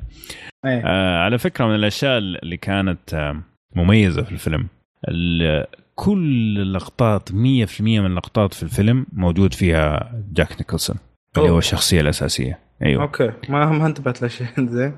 فبعدين لما قعدت أقرأ عن الفيلم يقول لك إنه المخرج كان يبغى يوريك الفيلم 100% من منظور الشخصية الرئيسية. okay. ما يبغى إنه مثلا تعرف أنت شيء الشخصية الرئيسية ما يعرفها. okay. لما okay. هو يكتشف أنت تكتشف معه. آه okay. okay. أيوه. فهذا كانت حلوة صراحة. لكن آه نطلع من التمثيل ونروح للإخراج والصوتيات اللي أشوف من أسوأ الأشياء اللي موجودة في الفيلم اللي هي الموسيقى. فعلا آه تحسها تحسها أقدم من الفيلم. أقدم من الفيلم إيه. إيه. مزعجة وما هي مكانها. يعني نص الفيلم أصلا ما في موسيقى. أنا كنت أنا كنت مبسوط وشاد من الفيلم أكثر لما يكون المشهد ما فيه موسيقى. أول ما تجي الموسيقى على طول أطلع من جو الفيلم. آه وبعدين لما قعدت اقرا عن الفيلم برضو يقول لك المخرج جاب آه، أصحابه منتجين ومخرجين وزي كذا وقعدوا في صالة سينما يوريهم الفيلم قبل ما ينزل. فسأل بعض المخرجين وقال لهم إيش رأيك فيلم؟ قالوا الفيلم ممتاز مرة ممتاز لكن موسيقى زي الزفت. فعليا قالوا الموسيقى زي الزفت. وخلاها. آه خلاها عشان ما كان بيده أصلا. آه هم already غيروا الملحن مرة. آه okay. فالاستديو ما رضى إنه يتغير كمان مرة. لكن هذا كان مؤثر بشكل سيء صراحة. بس كيف كان الإخراج يا محمد؟ آه كان يعني ما ما تحس إنه يعني شيء يعني خرافي. على مستوى الفيلم. وترى يعني زي ما قلت أنت اللي أفقد الفيلم آه، رونقه النص الثاني. وأنا أصلا بعد ما خلصت متابعة الفيلم على طول رحت مثلا أبحث آه، كنت أدور إنه مثلا آه، هل ان مثلا حصلت مشاكل أثناء التصوير ولا مثلا توقفوا عن التصوير لفترة فهذا اللي سبب ان مثلا المخرج ما أعطى من نفسه في النص الثاني من الفيلم. ما أدري كنت أدور لهم عذر بس بس من المشكلة إنه ما إيه ما لقيت. إيه يعني السلاسل اللي كنت تشوفها في أو في بداية الفيلم كمية المعلومات اللي يعطيك إياها الفيلم آه، المتعة نفسها الغموض كثير تفاصيل كانت موجودة. وترى على فكرة الفيلم كله مبني على عنصر نفسي. صحيح. فاي فالعنصر النفسي أصلا في نص الفيلم آه، في نص الفيلم الأول كان حاضر بشكل جدا كبير. أيوه. كانت كان تشوفه كان يشد أعصابك أنت. اي فعلا. كمتف... كمتفرج أيوه إيه. أصلا هذه ترى من النقاط المهمة ترى دائما انه يقول لك أنت لما يعني لما المخرج يحاول إنه مثلا يوصل مشاعر معينة ما يروح يحاول يوصلها للمشاهد. م. يحاول يخلينا نرتبط بالشخصية وبعدين يسوي هالأشياء للشخصية فإحنا نحس كأنها تصير لنا. صحيح. فهذا اللي فعلا آه، يعني كان في الفيلم انه إلى نص الفيلم إحنا كنا مرتبطين ترى بشخصية جاك نيكلسون. بس بعدين بسبب دخول بعض الشخصيات زي ما تقول صار هو شوي مهمش فما اهتمينا بالأشياء اللي قامت تصير بعدين. وهذا اللي أشوفه يعني حصل في الفيلم. صحيح. م. طيب آه، تكلمنا عن السرد وتكلمنا عن التمثيل وتكلمنا عن الإخراج والصوتيات. آه، أتوقع باقي آه نتكلم آه نسرد الأسئلة المعتادة. نجي نهايه الكلام. آه هل الفيلم فيه تعري؟ آه في خفيف بس موجود. مم. okay. إيه، في آه كان أعتقد يا مشهد أو مشهدين ماني متذكر بس في واحد مشهد أكيد كان فيه يعني. آه okay. آه في بذاءة كلام. آه ممكن على حوار على حوارين كان شيء زي كذا بسيط يعني. شوف على على الوضع اللي إحنا فيه اليوم. طيب يعتبر فيلم ما في بذاءة كلام مم. طبعا على وقته كانت الكلمات اللي بيقولها تعتبر كلمات بذيئة لكن اليوم لما تيجي تقول لي هذه ممكن تكون موجودة في PG 13 أوه okay. أيوه. فما ما هي ما هي كلمات بذيئة بالمستوى الحالي يعني تعتبر بذيئة على وقتها يعني. لكن في أشياء خفيفة جدا يعني. ينفع المشاهدة الجماعية؟ ما أتوقع. صعب. Yeah. يعني الفيلم نفسه يحتاج تركيز شوي. اللي اللي يحب الأفلام الكلاسيكية ممكن. ممكن. إذا في club كذا يحب أفلام كلاسيكية ممكن صحيح. ال club المحنكين. الله. يبغانا نبدأ أنا انت واحد. طيب مين ممكن يعجبه الفيلم؟ الناس اللي يحبوا أفلام ال noir؟ yes اللي يحب الغموض.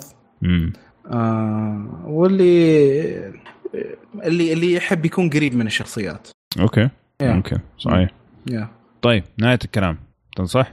أنصح فيه يا yeah. حتى أنا أنصح فيه لكن زي ما قلنا آه، لا تدخل بفكرة إنه أفضل فيلم في التاريخ زي ما بعض الناس يقولوا. فيلم ممتاز لكن فيه عيوبه ويستحق المشاهدة. يستحق إنك تقعد تتفرج الساعتين هذه. ما راح تندم حتى لو ما عجبتك النهاية. الفيلم كله على بعضه. جميل جدا ويستحق المتابعة.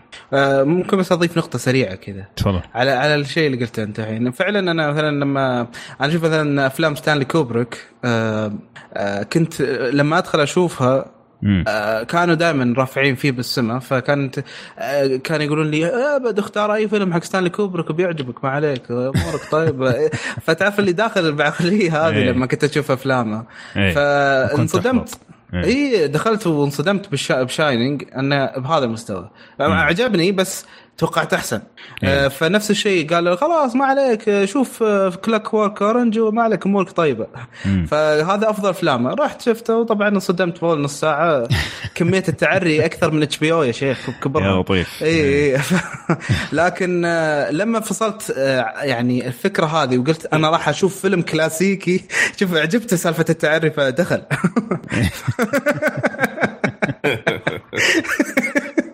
بس عجبني عجبني الكام التليق يعني. أكثر من اتش بي أو كلها يقول فلما لما فصلت هذه الفكرة ودخلت إني قاعد أشوف أفلام كلاسيكية صرت أستمتع بكل افلامه فأنت أدخل بنفس العقلية. حاول إنك تقول هذا فيلم كلاسيكي راح أستمتع بكل شيء وراح ما أدقق كثير وأبد يعني أمورك إن شاء الله طيبة. فعلا. نعم. بس إذا أنت مثلا في عندك قائمة 1001 فيلم لازم تشوفها قبل ما يموت وهذا موجود فيه. Yeah. أغلب الأفلام الموجوده هناك يعني حتى لو كانت ما هي كاملة ومكتملة زي ما الناس يقولوا برضو أفلام لازم تنشاف. عشان إذا تبغى تستطعم السينما وتاريخها هذه من الأفلام اللي لازم تنشاف حقيقه. صح. طيب نذكر الأفلام اللي تكلمنا عنها. تكلمنا عن Kung Fu Hustle وتكلمنا عن Chinatown إذا شفتوا أي واحد فيهم آه، أو شفتوهم الاثنين لا تنسوا تعطونا إيش رأيكم في كلامنا على الموقع بالذات لو سمحتوا وتويتر طبعا آه، ما نستغني عن تعليقاتكم. بس عندنا فقرة أخيرة قبل ما نختم اللي هي آه، أسئلة المستمعين كانت في هاشتاج كشكول سينما 159 فحناخذ مجموعة من الأسئلة ما شاء الله عندك في كمية لا بأس بها فحناخذ منها مجموعة. آه ياسر عبد العزيز يقول لك يعطيكم العافية على جهودكم. أكثر صار محيرني إيش هي نسخة ال Pro؟ من موقع ال IMDb وليش هي خدمة مدفوعة وإيش مزاياها آه خدمة ال Pro حقت IMDb هذه مخصصة للناس اللي يشتغلوا في مجال السينما والتلفزيون. ما هي للمستخدم العادي. آه يكون فيها قنوات الاتصال مع المخرجين والمنتجين والممثلين. يكون فيها أعمال لسه ما أنتجت وما هي موجودة على IMDb لكن مثلا قاعدين يدوروا على ممثلين ولا على كتاب. آه تقدر تقدم ال CV حقك عن طريق IMDb. تقدر تحط معلوماتك أنت. ومثلا إذا كان في أفلام على أمازون مثلا Prime آه، أو أمازون Video sorry. لما تيجي واحد ممثلين موجود على الشاشة تنزل لك زي معلومات عن الممثل. فهذه الخدمة هي اللي تروح أنت تعبيها عشان تطلع المعلومات هذه في أمازون فزي كذا يعني زي LinkedIn حق الناس اللي يشتغلوا في هذا المجال يعني. فما يحتاج أنك تدفع فيه أنت كمشاهد يعني. جميل؟ يب. طيب عمر السادس عشر. أهلا وسهلا نعم فيك. يقول لك ليش غالبا مسلسلات نتفلكس أفضل من افلامها؟ عمور قل لي. ليش غالبا مسلسلات؟ والله هو يعني ما أبغى أتفلسف عليك بس ليش أصلا المسلسلات كلها على بعضها أحسن من الأفلام؟ أوه. الفترة هذه يعني. مم. يعني ما, ما هي بس على نتفلكس آه، بس أنا أتفق معك. لو تجي تتقارن في الفارقه صراحة في الجودة تحس في فرق كبير بين الأفلام.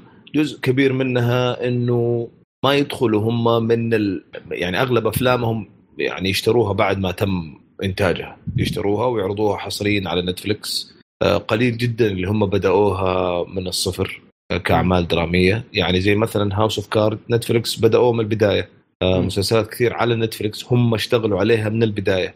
آه، فكان تحس إنه في تسلسل واضح آه، عارفين المشروع كيف وعارفين نهاية المشروع كيف. الأفلام كثير منها جابوها.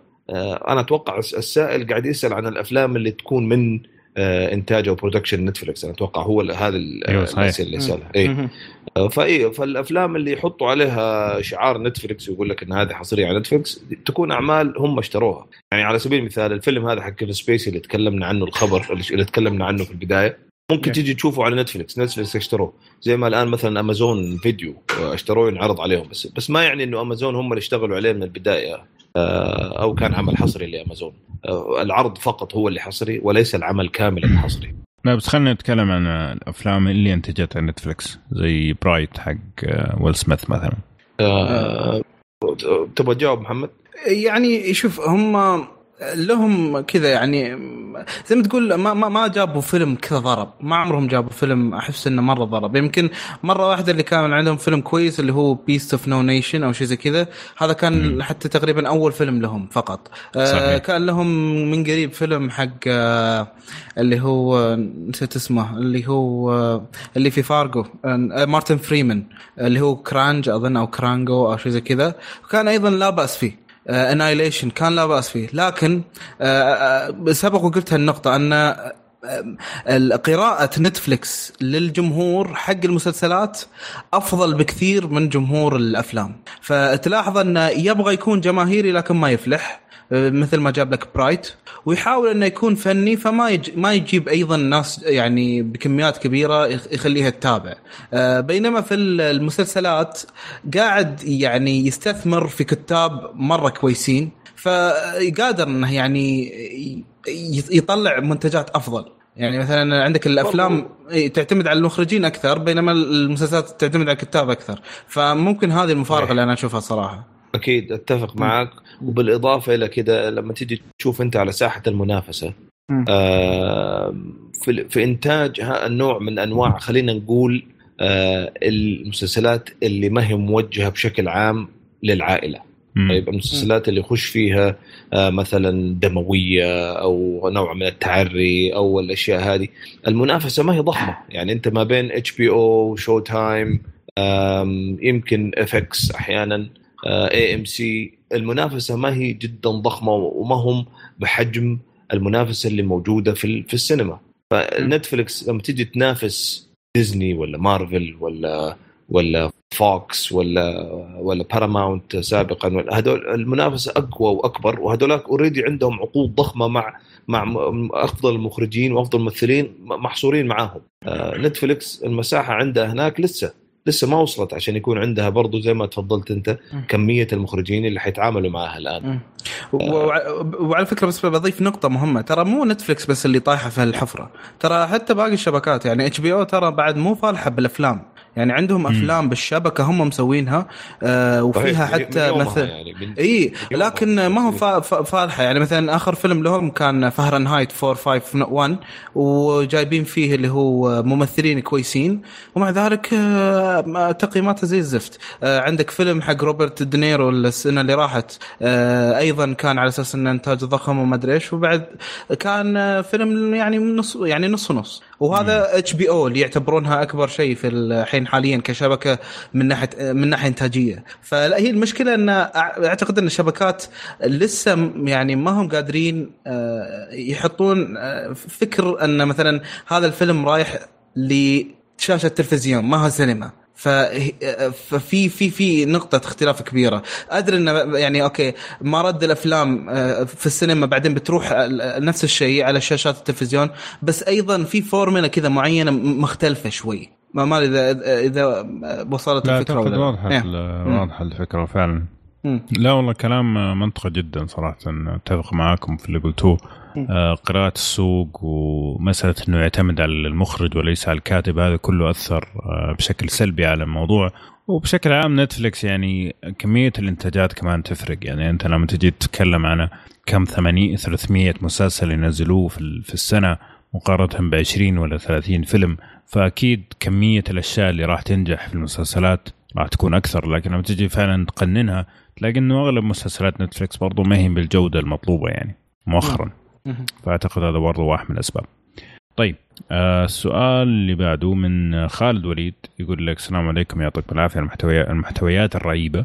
سؤال هل ممثل جاك جيلنهال ينفع يكون villain أو شرير في فيلم Spider-Man Far From Home والله هذا هذا ينفع شرير في الحياة صراحة فأكيد ينفع شرير في أي مكان.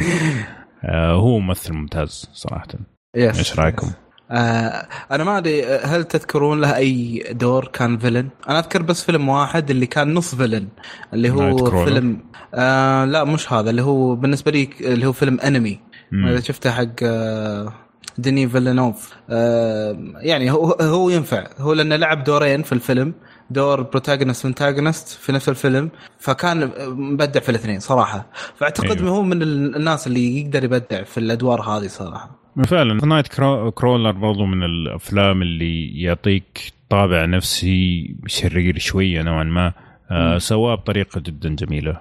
آه هو ممثل ممتاز صراحة وأشوفه من الممثلين اللي مظلومين نوعا ما حقيقة. صح.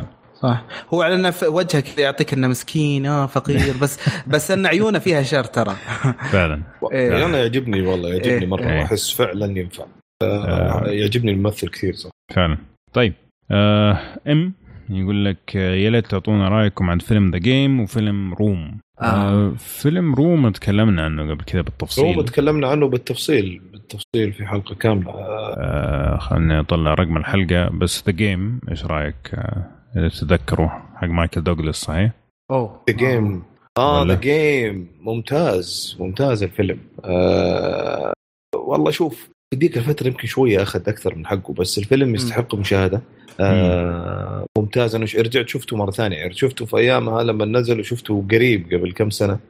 آه كان في التلفزيون. آه فيلم جميل. آه تسلسل أحداث فيه ممتاز. آه مفاجئ. ال twist اللي فيه جميل. يعني صراحة فيلم يستحق المشاهدة. ما هو خرافي بس فعلا فيلم ممتع.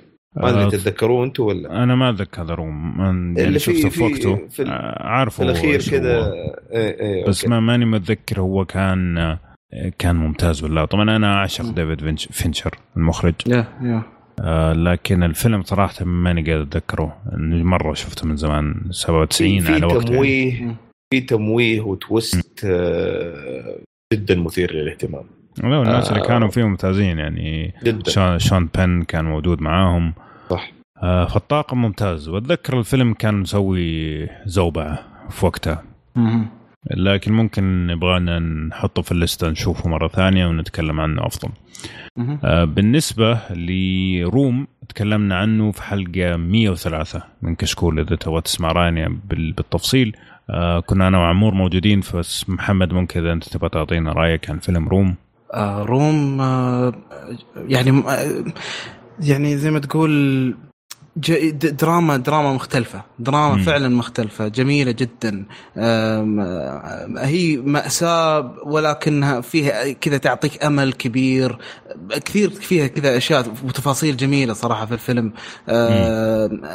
العلاقة اللي كانت بين الأم والابن وكيف أنهم كانوا محشورين في ذيك الغرفة لفترة طويلة وكيف أن يعني قدرت اللي هي نسيت اسمها الممثلة. المهم أن الممثلة الرئيسية اللي حصلت حتى على الأوسكار يعني إيه. فعلا فعلا فعلا مع الطفل معها يعني كان بينهم انسجام مو طبيعي. فعلا حسستك بكثير. اي اي طبعا هو شاف نفسه من بعدها بس انه أقصد آه بس هو اي اي بس بري لارسن إيوه. ففعلا يعني أنا فعلا حسيت إنها أمة. يعني أي. ما عمري في أي لحظة حسيت غير كذا. آه فأكيد يعني من الأفلام الضرورية المهمة إن الواحد يشوفها خاصة إذا كذا فيه بتوه كذا بسيطة. آه ما ودي أطول بالكلام بس إنه يعني okay. شوف أنا خليني بس ألخص في شغلة واحدة. من الأفلام القليلة اللي الدراما فيها مأساوية وتشوف نتائج. صح. يعني نادرا ما تشوف فيلم الدراما إلا وتحصل آه تبدأ تشوف يعني خلينا نقول الفرج يبان وينتهي الفيلم. إيه. الفيلم هذا غير. أو حتى خسائر بالهبل كذا. بالضبط أه. بالضبط. الفيلم هذا غير لا حتشوف المأساة وحتشوف الأمل زي ما قال آه، محمد. فهذا اللي كان مرة عجبني في العمق. جميل. طيب آه، السؤال اللي بعده من عند مو يقول لك آه، إيش أفضل فيلم كوميدي شفتوه؟ عمور. أفضل ك... والله يا أخي شوف بالنسبة لي أكثر فيلم دائما أتذكر ويضحكني كان اسمه Blue Streak حق مارتن لورنس. أوه okay. مستحيل الفيلم هذا. يعني قد ما أشوفه أموت من الضحك يعني. ما أدري ليش الآدمي هذا الفيلم ذيك الفترة كان في عزه صراحة مارتن لورنس. آه فيلم نزل في يمكن 98 99 بس لازم ينشاف. إذا أنت ما شفته يا مو لازم تشوفه. اسمه Blue Streak okay. محمد؟ آه شوف أنا أخاف من أفلام الكوميديا لأن يا بيقول لك واحد بضحك ولا بس بيقول لك سامج ولا شيء زي كذا. فأخاف منه صراحة ال genre هذه. بس أنا شخصيا شخصيا كان من الأفلام اللي تفجرني ضحك واجد اللي هو The Grand Budapest Hotel وليش؟ لأن أسلوب ويس أندرسون نفسه آه هو اللي يخليك تحس أن الوضع طبيعي بس مو طبيعي في نفس الوقت. التناقض هذا هو اللي يخليك واجد يعني هو اللي يخلق لي واجد مواقف تخليني أضحك. وبالإضافة أني أضيف انه فيلم عمور بعد يعني رهيب صراحة بعد. وفي في ضحك كثير. والله شوف أنا ما أقدر أقول إنه كوميدي مره مرة بس من الافلام يعني مو أموت في الضحك من الضحك فيها لكن جدا أستمتع آه، اللي هو School of Rock حق جاك بلاك أوه nice nice اي اي جميل جدا. ممتاز ممتاز. الفيلم الفيلم اللي بعده بعد رهيب حقه اللي هو Tenacious D. بس بس طبعا. هذاك too much يعني بس بس إنه في شطحات رهيبة يعني. School of Rock يستحق. يعني حتى لو ما تبغى فيلم كوميدي تبغى بس فيلم قصة حلو برضه ممتع. آه، طيب. خوالد يقول لك آه، أكثر ممثل ومخرج مظلومين بالنسبة لكم. يعني أقصد ما هم مشهورين كفاية وعمالهم مو منتشرة كثير. محمد. أم حاليا ما أشوف إنه في آدمي. يعني ما ما أدري صراحة لا ما, ما عندي صراحة خيارات أنطونيو بانديرس بالمحايا تبي أزعلك يعني ولا شنو؟ أقول لك تنزل يعني ولا شنو؟ لا لا لا خلاص. آه، لا والله ما عندي صراحة ما أحس انه في أحد مظلوم مرة ممكن اللي ما تجيه فرص كثيرة أو ما أدري هو إذا هو ما يختار كثير اللي هو أندريان برودي ما أشوفه يطلع واجد مع إنه يعني تمثيله مرة رهيب في عندك آه، كمان هذاك الألماني مدري الهولندي مادز آه، ميكيلسون إيه إيه آه هذا برضه أشوف شوية مسحوب عليه آه طبعا قلنا قبل شوية آه أنا آه. قول. أقول لك أنا أشوف يعني هو مو مو مسحوب عليه. آه لا أتوقع إنه يعني خلينا نقول احترامه واصل لكن أنا ما أحس إني ما ما ما شفت أعماله كفاية. أحس إني ماني شبعان من ادائه اللي هو إدوارد نورتن صراحة. يعني صح. إدوارد نورتن اختفى أيوه قليل جدا. أيوه. وممثل خرافي هو يعني مشكلته إنه هو نفسية. يعني هو هو نفسية هو تعامله نفسية مع فعلا. الطاقم حق حق الممثلين وكذا عنده سمعة إنه أغلب الناس ما يبغوا يشتغلوا معه. ف... بس أنت تحس إنك يا أخي تبغى تشوف تبغى تشوف البني آدم هذا باستمرار يمثل. فنان, فنان. طبيعي صراحة. أتمنى ما أدري إذا تتفقوا معي بس لو كان هو من الناس اللي يعني ثابت ال... خلينا نقول مش مش الأداء ثابت إنه يظهر في أفلام زي أغلب زي ليوناردو دي كابريو مثلا ولا آه، كان كان بالراحة الرجل حصل على أوسكار يمكن يوم من الأيام. أتوقع. أتوقع. بس هو يعني مشكلة كمان يا أخي الأوسكارز. إنه ممكن إذا ما يحبوا الشخص نفسه ما يعطوا له هو حتى طبعا لو طبعا يستحق طبعا. يعني. أكيد أكيد. فهذا مشكلته. في عندك آه، زي إريك آه، بانا تذكروا اللي كان في Troy. تذكروا لا للأسف. اللي مع مع الأسف كانت أسوأ خطوة في حياته إنه مثل آه، هولك الأول مو الثاني مو إدوارد نورتن الأول اللي كان مع جون وو. ومن يومها مسكين ما عاد صار ملاقي أدوار. لكن آه، قبل هذيك الفترة كانت أفلامه مرة ممتازة. طيب مخرجين؟ مين ممكن؟ هو سؤال صعب يعني يبغى له كذا استبحاث. يبغى له استبحاث. شوف ديفيد شوف ديفيد فينشر على أنه أفلامه ثقيلة بس ما ما أدري ليش ما يحصل الصيت اللي حصله باقي المخرجين. صحيح. يعني إيه؟ تلاقي كذا ناس زي أنا كذا مهووسين فيه لكن بشكل إيه؟ عام ما هو مشهور مرة مثلا مو زي سبيلبرغ وكذا yeah. هذول كل الناس يعرفوهم لكن فينشر مو ناس كثير يعرفوه فعلا. ممكن ممكن بس يسمع كشكول عشان كل حلقة لازم أقول. لكن لأنه فعلا لو تحن لو. لو لو تبحث عن ديمين شيزيل اللي عنده بس فيلمين مشهور تحس أكثر منه وهذاك عنده يمكن من 1900 وما ادري كم 90 وعنده أفلام استعباط Seven و Fight Club و... آه يعني ال Social Network ال Social يعني عنده أفلام تقول لك يعني هو هذا.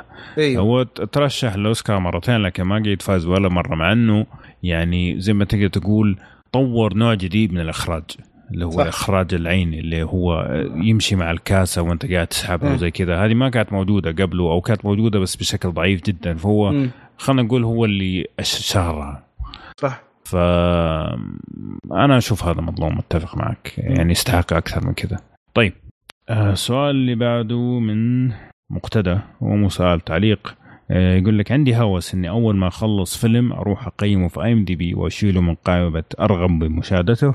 آه، حتى يصير عندي قائمة بالأفلام اللي شفتها وقائمه بأفلام أريد أشوفها.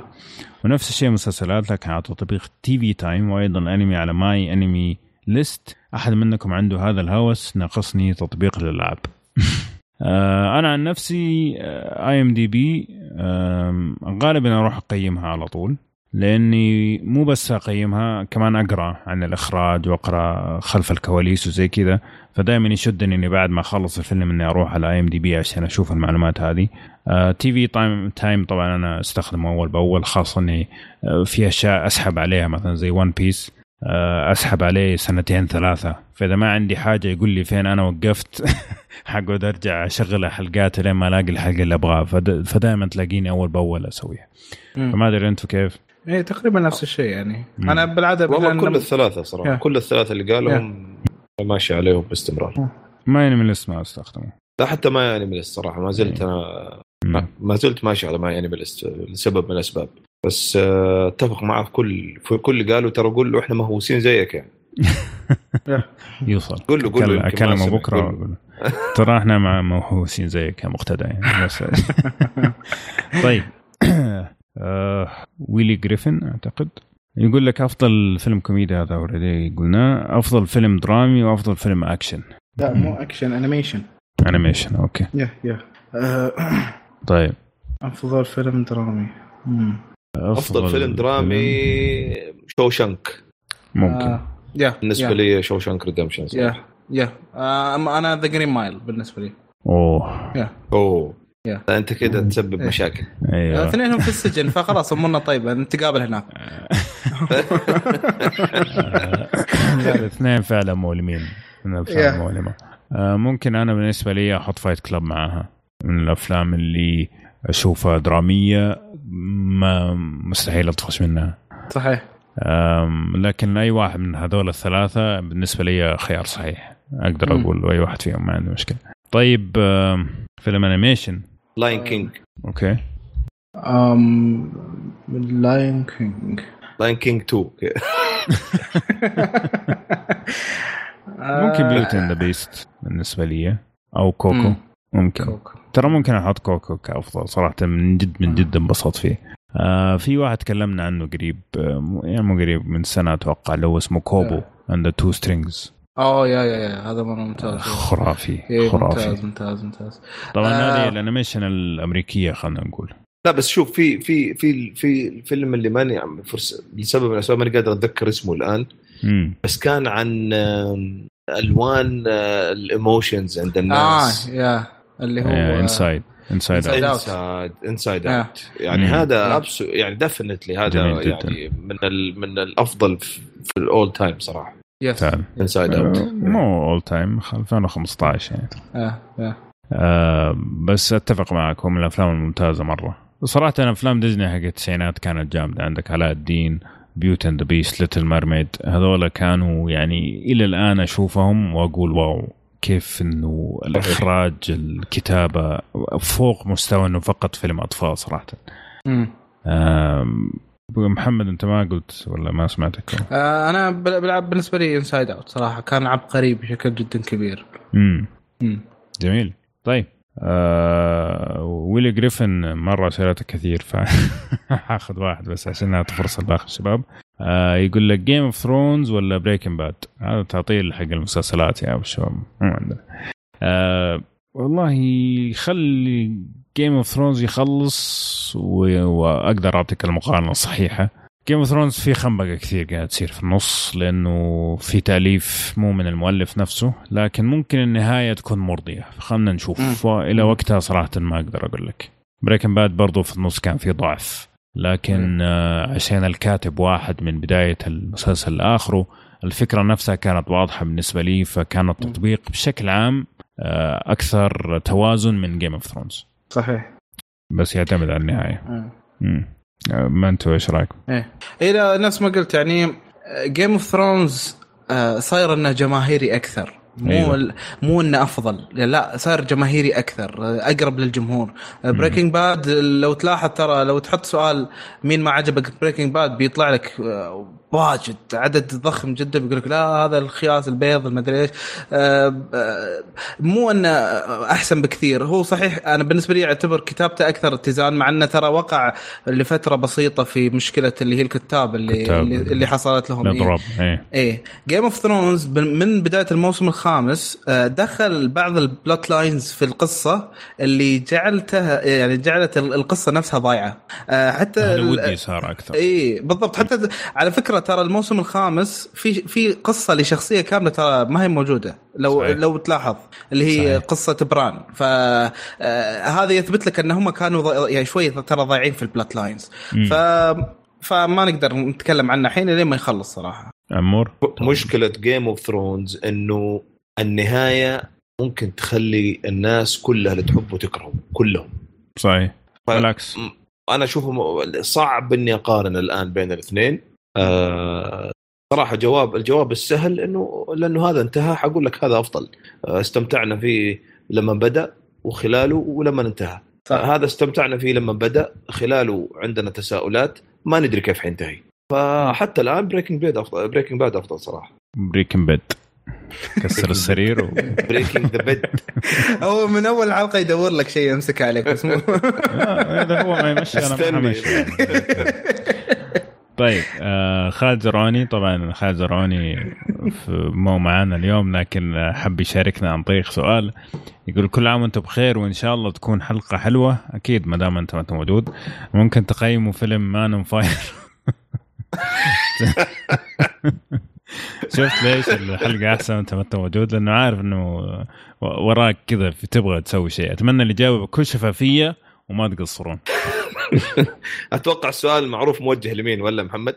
سؤال واضح موجه لمين؟ فنترك المايك آه للأخ عشان يجاوب. المشكلة المشكلة إنه حلقة العاب اللي سجلتها مع معاهم آه حلقة 142 آه واحد برضو قال يا أخي يا أبو عمر أنت متفلت على دينزل واشنطن وما أدري إيش زي كذا. فجاء النقاش هذا وقلت لهم ترى Man Fire فيلم أبو كلب. طيب. اللي كان جالس جنبي عمر دبي قال يا أخي خلاص إحنا ما إحنا أصحاب ولا تكلمني بعد كذا. وصارت مشاكل كبيرة. ففعلا بالنسبة لي Man Fire أعتقد هو الفيلم اللي شفته وقلت هذا ممثل زبالة. أنا أعتقد إنه من هناك بدأت نقطة مشكلتي مع دنزل واشنطن. فيلم زبالة آه كتابة زبالة. يعني قبل ستة شهور كنت شايف The آه Punisher نفس القصة حق The Punisher نفس القصة بس إنه هذاك superhero وهذا واحد سكران. بس هو هذا الفرق الوحيد. وأبو عمر فاهم الشفافية غلط يعني. ترى. فاهم الشفافية غلط تماما. في أكثر من كذا شفافية ولا آه، تسفيل هذا مو شفافيه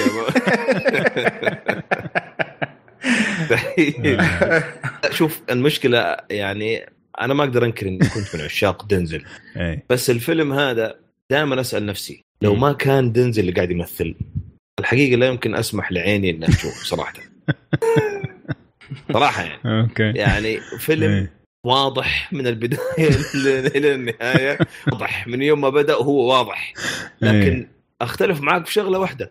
إنه دنزل هو اللي خلاه ينشاف شوية. يعني أنت تخيل لو واحد غيره ترى يعني كان ما ما يعني جد جد لو مو أعطى بعض المواقف شوية تعبير اعطى أعطى بعض ال... بعض. بعض أنا بعض الم... المبالغات إنك تتقبلها لأنه في يعني كيف الكاريزما تتقبلها يا رجل؟ كيف آخر 20 دقيقة تتقبلها؟ ما, ما مستحيل. أنا قلت بعض يا أخي. أيوه بعض أيوه. خلاص يصير ما هو يعني ما أقدر أعطي دنزل إنه والله هو اللي أنقذ الفيلم عشان بعض.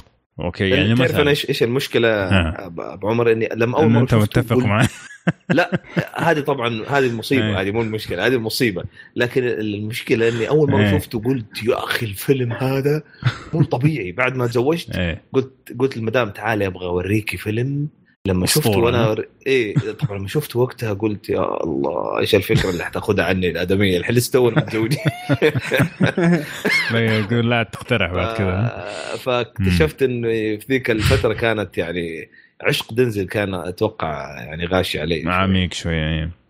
لا وشوف ترى يعني ما بقول مشكلة إنه أنت يعجبك. Man Fire في ناس تحب هذا النوع من الأفلام وما بقول إنه أنت ما تفهم عشان أنت تحبها بالعكس يعني كل واحد يحب الأفلام اللي تعجبه. وفي ناس مثلا الأفلام الحوارية بحتة ما فيها أي نوع من الأكشن أو أي نوع من الدراما مستحيل يتقبلها أنا بالنسبة لي استمتع فيها بشكل رهيب. آه لكن أنا مشكلتي إنك أنت تقول لي مثلا إنه دنزل ممتاز. شوف هذا الفيلم. طيب. يعني تبغى تقنعني إنه دنزل ممتاز؟ بإني أشوف Man on Fire هذه عندي مشكلة كبيرة. مشكلة كبيرة جدا. هذا فيلم أشوفه زي Fast and Furious زي أفلام The Rock زي كذا أقول لك والله فيلم حلو. لكن تجي تبغى تقنعني إنه هذا الفيلم الممثل فيلم خرافي. ستيفن سيجالي فيلم أيوة. ستيفن سيجال. أيوه بالضبط على فيلم زي كذا مستحيل أقتنع مستحيل أقتنع. فبس هذه مشكلتي مع الفيلم إنه دائما يقولوا يا أخي Man on Fire لما أقول لهم دنزل معفن طيب مو هذا الفيلم اللي تجيبه عشان تقول لي دنزل ممتاز. يعني تقول لي Training Day أفهم. بس هذا لا صراحة. يعني آه بس mix ممكن. ممكن برضو. صحيح ممكن. طيب آه خالد زرعوني إذا عندك أي رد آه تعال الحلقة الجاية ورد علي و... ساحة موجودة ساحة موجوده ساحة موجودة إيه. إن شاء الله ير... يسمع الحلقة هناك عشان يكنسل يرجع. هذه خامس حلقة نتكلم على دنزل على فكرة. خلاص هو الميم حقنا ما طيب حسن زرعوني ما شاء الله. العيلة كلهم متجمعوا عليه اليوم. يقول لك السلام عليكم يعطيكم العافية مجهود خرافي من الجميع. سؤالي مدى أهمية تقييم الفيلم؟ من قبل مواقع وهل يأثر على اختياركم؟ آه، متى أحلى وقت تشوفون فيها الأفلام؟ لما تنزل. سؤال جميل صراحة. سؤال جميل. وسؤال صراحة ما تقدر تتخلص منه. يعني أنت تشوف التقييم سيئة حتى لو أنت متحمس للفيلم ممكن ياخذ من حماسك. مع الأسف. آه قد ما يأثر سل يعني ما يأثر سلبيا ويخليني ما أشوف الفيلم تماما. ممكن ما يأثر فيني هذيك الدرجة بس ممكن يقلل حماسي إني أروح أشوف اليوم بدل بكرة مثلا. امم أنت إيش رأيكم؟ آه حاعطي المجال لمحمد بعدين نتكلم أنا. أنا بالنسبة لي آه، أنا ابدا ما أفتحها إلا بعد الفيلم. لأن أيوه. لأني لو شفت التقييم أنا بقول لك اياها بظل طول الفيلم. إذا شفت تقييمات مثلا منخفضه فبدور زلاته. أيوه. وإذا شفت مرتفع بدور إيش الأشياء الزينة فيه إيوه فبيأثر في في مشاهدتك يأثر إيه, إيه لأني بقعد أدور هالنقاط هذه أيه. بدل ما إني قاعد اتابع على أي أساس طيب تختار الفيلم؟ على أي أساس تختار الفيلم؟ أه ما يعني أقرأ اللي هو ال plot line اللي هو بس هذه اللي راس القلم اللي يعطيني فكرة الفيلم بس وأدخل أشوفه فقط مو هذه المشكلة آه. هذه المشكلة أنا بالنسبة لي اللي أواجهها الآن أنا. زيك بالضبط يعني لا أشوف trailers من أول ما صارت trailers تحرق أم الفيلم ما عاد صرت أشوفها أه ولا أحب أشوف تقييم لكن وريني فين أقدر أشوف ال plot بدون ما يكون في كل ركن من الأركان في تقييم معين فهمتني؟ يعني تفتح yeah. جوجل هيطلع لك Rotten Tomatoes يعني إلا عينك تلقطه فهمت؟ صح, صح. حتدخل IMDb في النجوم هذه في وجهك ما في إلا ويكيبيديا وعشان توصل ويكيبيديا لازم تكون مريت على شيء فهمتني؟ Yeah. فهذه هذه المشكلة اللي أنا مواجهها حاليا حقيقه إنه مثلا بدور على فيلم وأبغى أشوف إيش القصة أو أبغى أشوف قصة مميزة وعيني تلقط التقييم فخلاص صح. يصير في مخي كذا هذا ماخذ 40% والله شكله فيلم ابو كلب فهمتني؟ صح صح, Yeah. ف... أنا أتوقع شوف صراحة الإجابة السهلة بالنسبة لي أنا أشوف إنه لا مفر لا مفر من انك إنك تاخذ معلومة عن محتوى الفيلم مم. مستحيل إنك في الزمن ده تشوف فيلم بدون ما تعرف معلومة عن محتواه أحد أعطاك إياها. يا إنه زميل جالس معاه في ديوانية ولا شيء وقال لك لا يفوتك في كذا أو كذا أو إنه إنه في موقع أو سمعت أو البودكاست مثلا. أو سمعت البودكاست عندنا. بالفعل أو شفت تريلر.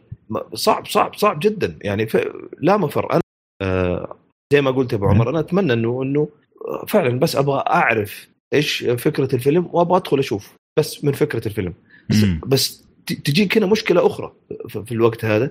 الأفلام كثير جدا والكثرة بدون جودة للأسف. فتبغى تقضي وقتك على شيء يا أخي تستمتع فيه. طيب إيش الحل يعني؟ أيوه. ففي تضارب مشاعر في الموضوع ففي في تضارب. أنا أنا عجبتني أول كلمة قلتها آه، أبو عمر إنه آه، أنا ماني شايف له يعني مفر الموضوع. ما, ما تقدر تهرب منه الموضوع. بالعكس اذا إذا اللي سأل عنده حل يعطينا لأن فعلا يعني الوقت صار محدود الأفلام مرة كثيرة والجودة صراحة قليلة فين ما فين تشوف فيلم تضمن يعني أنا صراحة صراحة لما نبغى أشوف فيلم على العمياني كل أمانة أروح لحقبة التسعينات أو بداية الألفية وأشوف الممثلين اللي كنت أثق فيهم وأشوف أفلامهم اللي ما شفتها بدون ما أعرف أي معلومة عن الفيلم على الأقل في نسبة أعلى مليون في المية إنه في نسبة شوية أعلى إنه حستمتع من أفلام الوقت الحاضر. آه هذا الحل اللي أنا توصلت له، لكن في الأفلام اللي بتطلع الآن كيف يعني؟ صحيح. يعني في زي ما أنت قلت يعني مثلا لما نتكلم مثلا إيش الأفلام اللي راح نشوفها آه إذا فيلم ما قد مر علي ما راح أشوفه عنه ولا شيء يعني مثلا الشباب اقترحوا Pan's Labyrinth آه، كان الحلقة اللي قبل الماضية ما كنت أعرف أصلا إنه مو بالإنجليزي. دخلت وتفرجت فخلاص إذا مثلا حطينا في بالنا إنه حنشوف فيلم خلاص شوف الفيلم ولا أعرف عنه ولا شيء. ما عندي أي مشاعر لأن أنا متحمس ولا إني أنا مزبل فيه ولا أعرف إنه هو أصلا كوميدي ولا أكشن ولا أي شيء. شوف واستمتع ولا لا تستمتع واحد فيهم.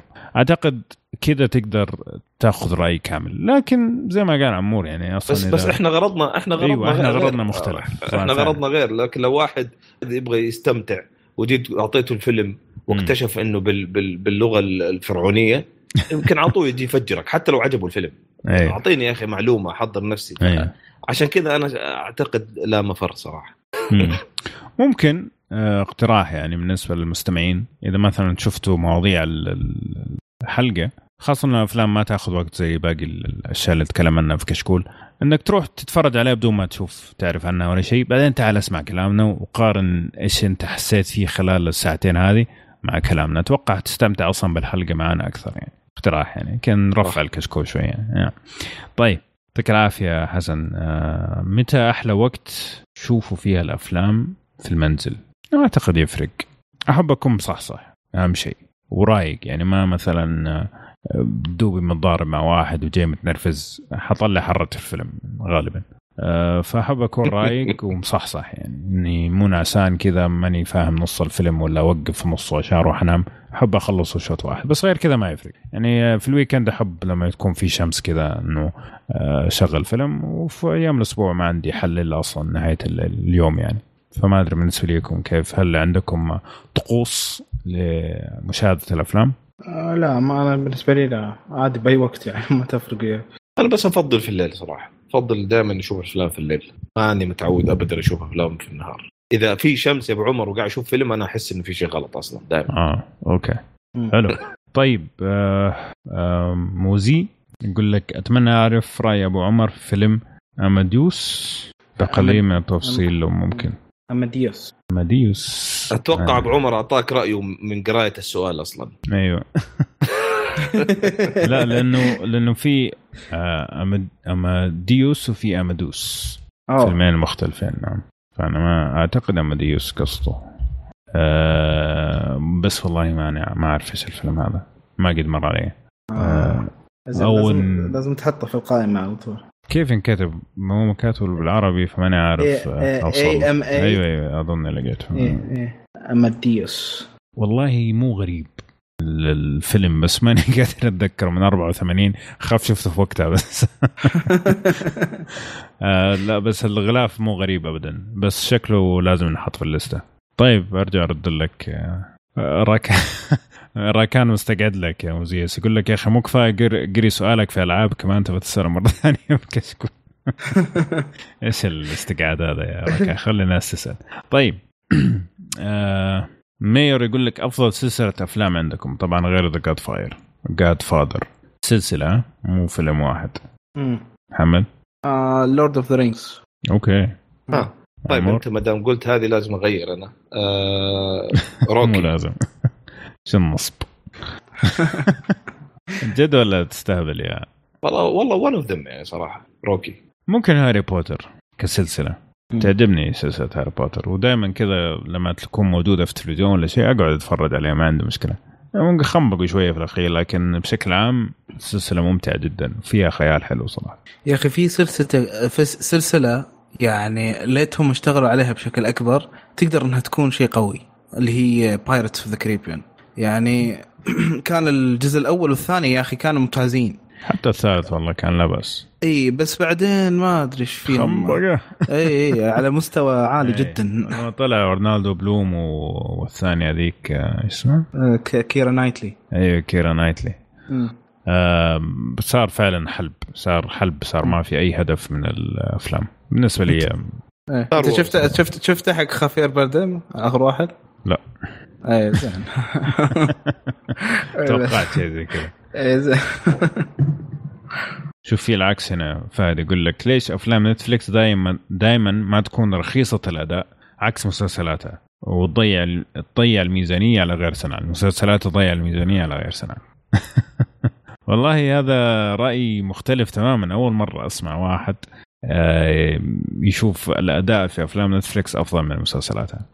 أعتقد السبب زي ما قلنا قبل شوي إنه مسلسلات نتفليكس مرة كثير فتحس إنه فيها مزبلة مرة كثير فتحس إنها ضعيفة بشكل عام. لكن لو تقارن واحد بواحد أتوقع تلاقي المسلسلات أفضل. طيب آه خلينا نشوف كمان ناخذ سؤال قبل ما نختم. آه طيب آخر سؤال جاي ندوب طازه يقول لك آه، من إم برضه يقول لك إيش شركات الإنتاج اللي تحسوا أدائها ثابت أو جيد؟ غير سوني الخايسة فرصتهم مع فيلم فينوم يغيرون صورتهم. شركة إنتاج إنتاجها دائما ثابت أو بشكل عام جيد. آه بالنسبة لي أنا أشوف مؤخرا اللي هي شركة آه A24 آه معظم إنتاجاتهم مؤخرا كلها قاعد تضرب. يعني أيوه. يعني آخر فيلم لهم اللي هو Hereditary كان. أيوه. آه قبل أظن كان Moonlight إذا ما خاب ظني. Lady Bird آه أي فيعني كلها يعني اختياراتهم كويسة بالغالب. ممكن آه ما أدري والله. مارفل مارفل. مشكلة مارفل يعني حتى مارفل عندها خنبقة صراحة. في أفلام اضاف أفلام. The Wasp هذا الأخير مرة كان سيء. أنا أتمنى The Wasp ما عجبني صراحة. آه ممكن بيكسار مثلا بالنسبة لي بشكل عام جودتها صحيح ممتازة. صحيح. صحيح آه امازون بعد. امازون مؤخرا قاعد آه أفلامها قاعد تضرب كويس. يعني عندك مثلا Manchester by the Sea حق امازون كان. أيوه. عندك آه مثلا The Big Sick اللي هو السنة اللي راحت. آه، في, في, في عندهم مجموعة من الأفلام الممتازة بعد على أمازون. أوكي. Yeah. طيب فهذه بعض الشركات اللي بشكل عام يعني عندك بيكسار آه، بالنسبة لي كان Incredibles ممتاز لكن بشكل عام أفلامها تشوق إنها تطلع عشان تروح تتفرج عليها. فممكن أقول بيكسار بالنسبة لي. جميل. يعطيكم ألف عافية يا شباب. صراحة كانت أسئلة ممتعة. خليتونا نتضارب مرة ثانية. لكن آه، سعدنا صراحة باسئلتكم إن شاء الله راح تكرر في حلقات قادمة برضو الأسئلة هذه. آه، ونذكر بالأعمال اللي تكلمنا عنها اليوم تكلمنا عن كونفو هصل وتكلمنا عن تشاينا آه، تاون وهذه كانت حلقتنا اليوم. أتمنى تكونوا استمتعتوا معنا تعطونا تعليقاتكم على الموقع وفيسبوك وتويتر وأعطونا تقييماتكم لنا على صفحتنا في ايتونز هذه تساعدنا على الانتشار وتابعونا على كل منصاتنا الموجودة كلها الكشكول راح تلاقونا إن شاء الله. وكل عام وأنتم بخير. نشوفكم بإذن الله في حلقة قادمة على ألف ألف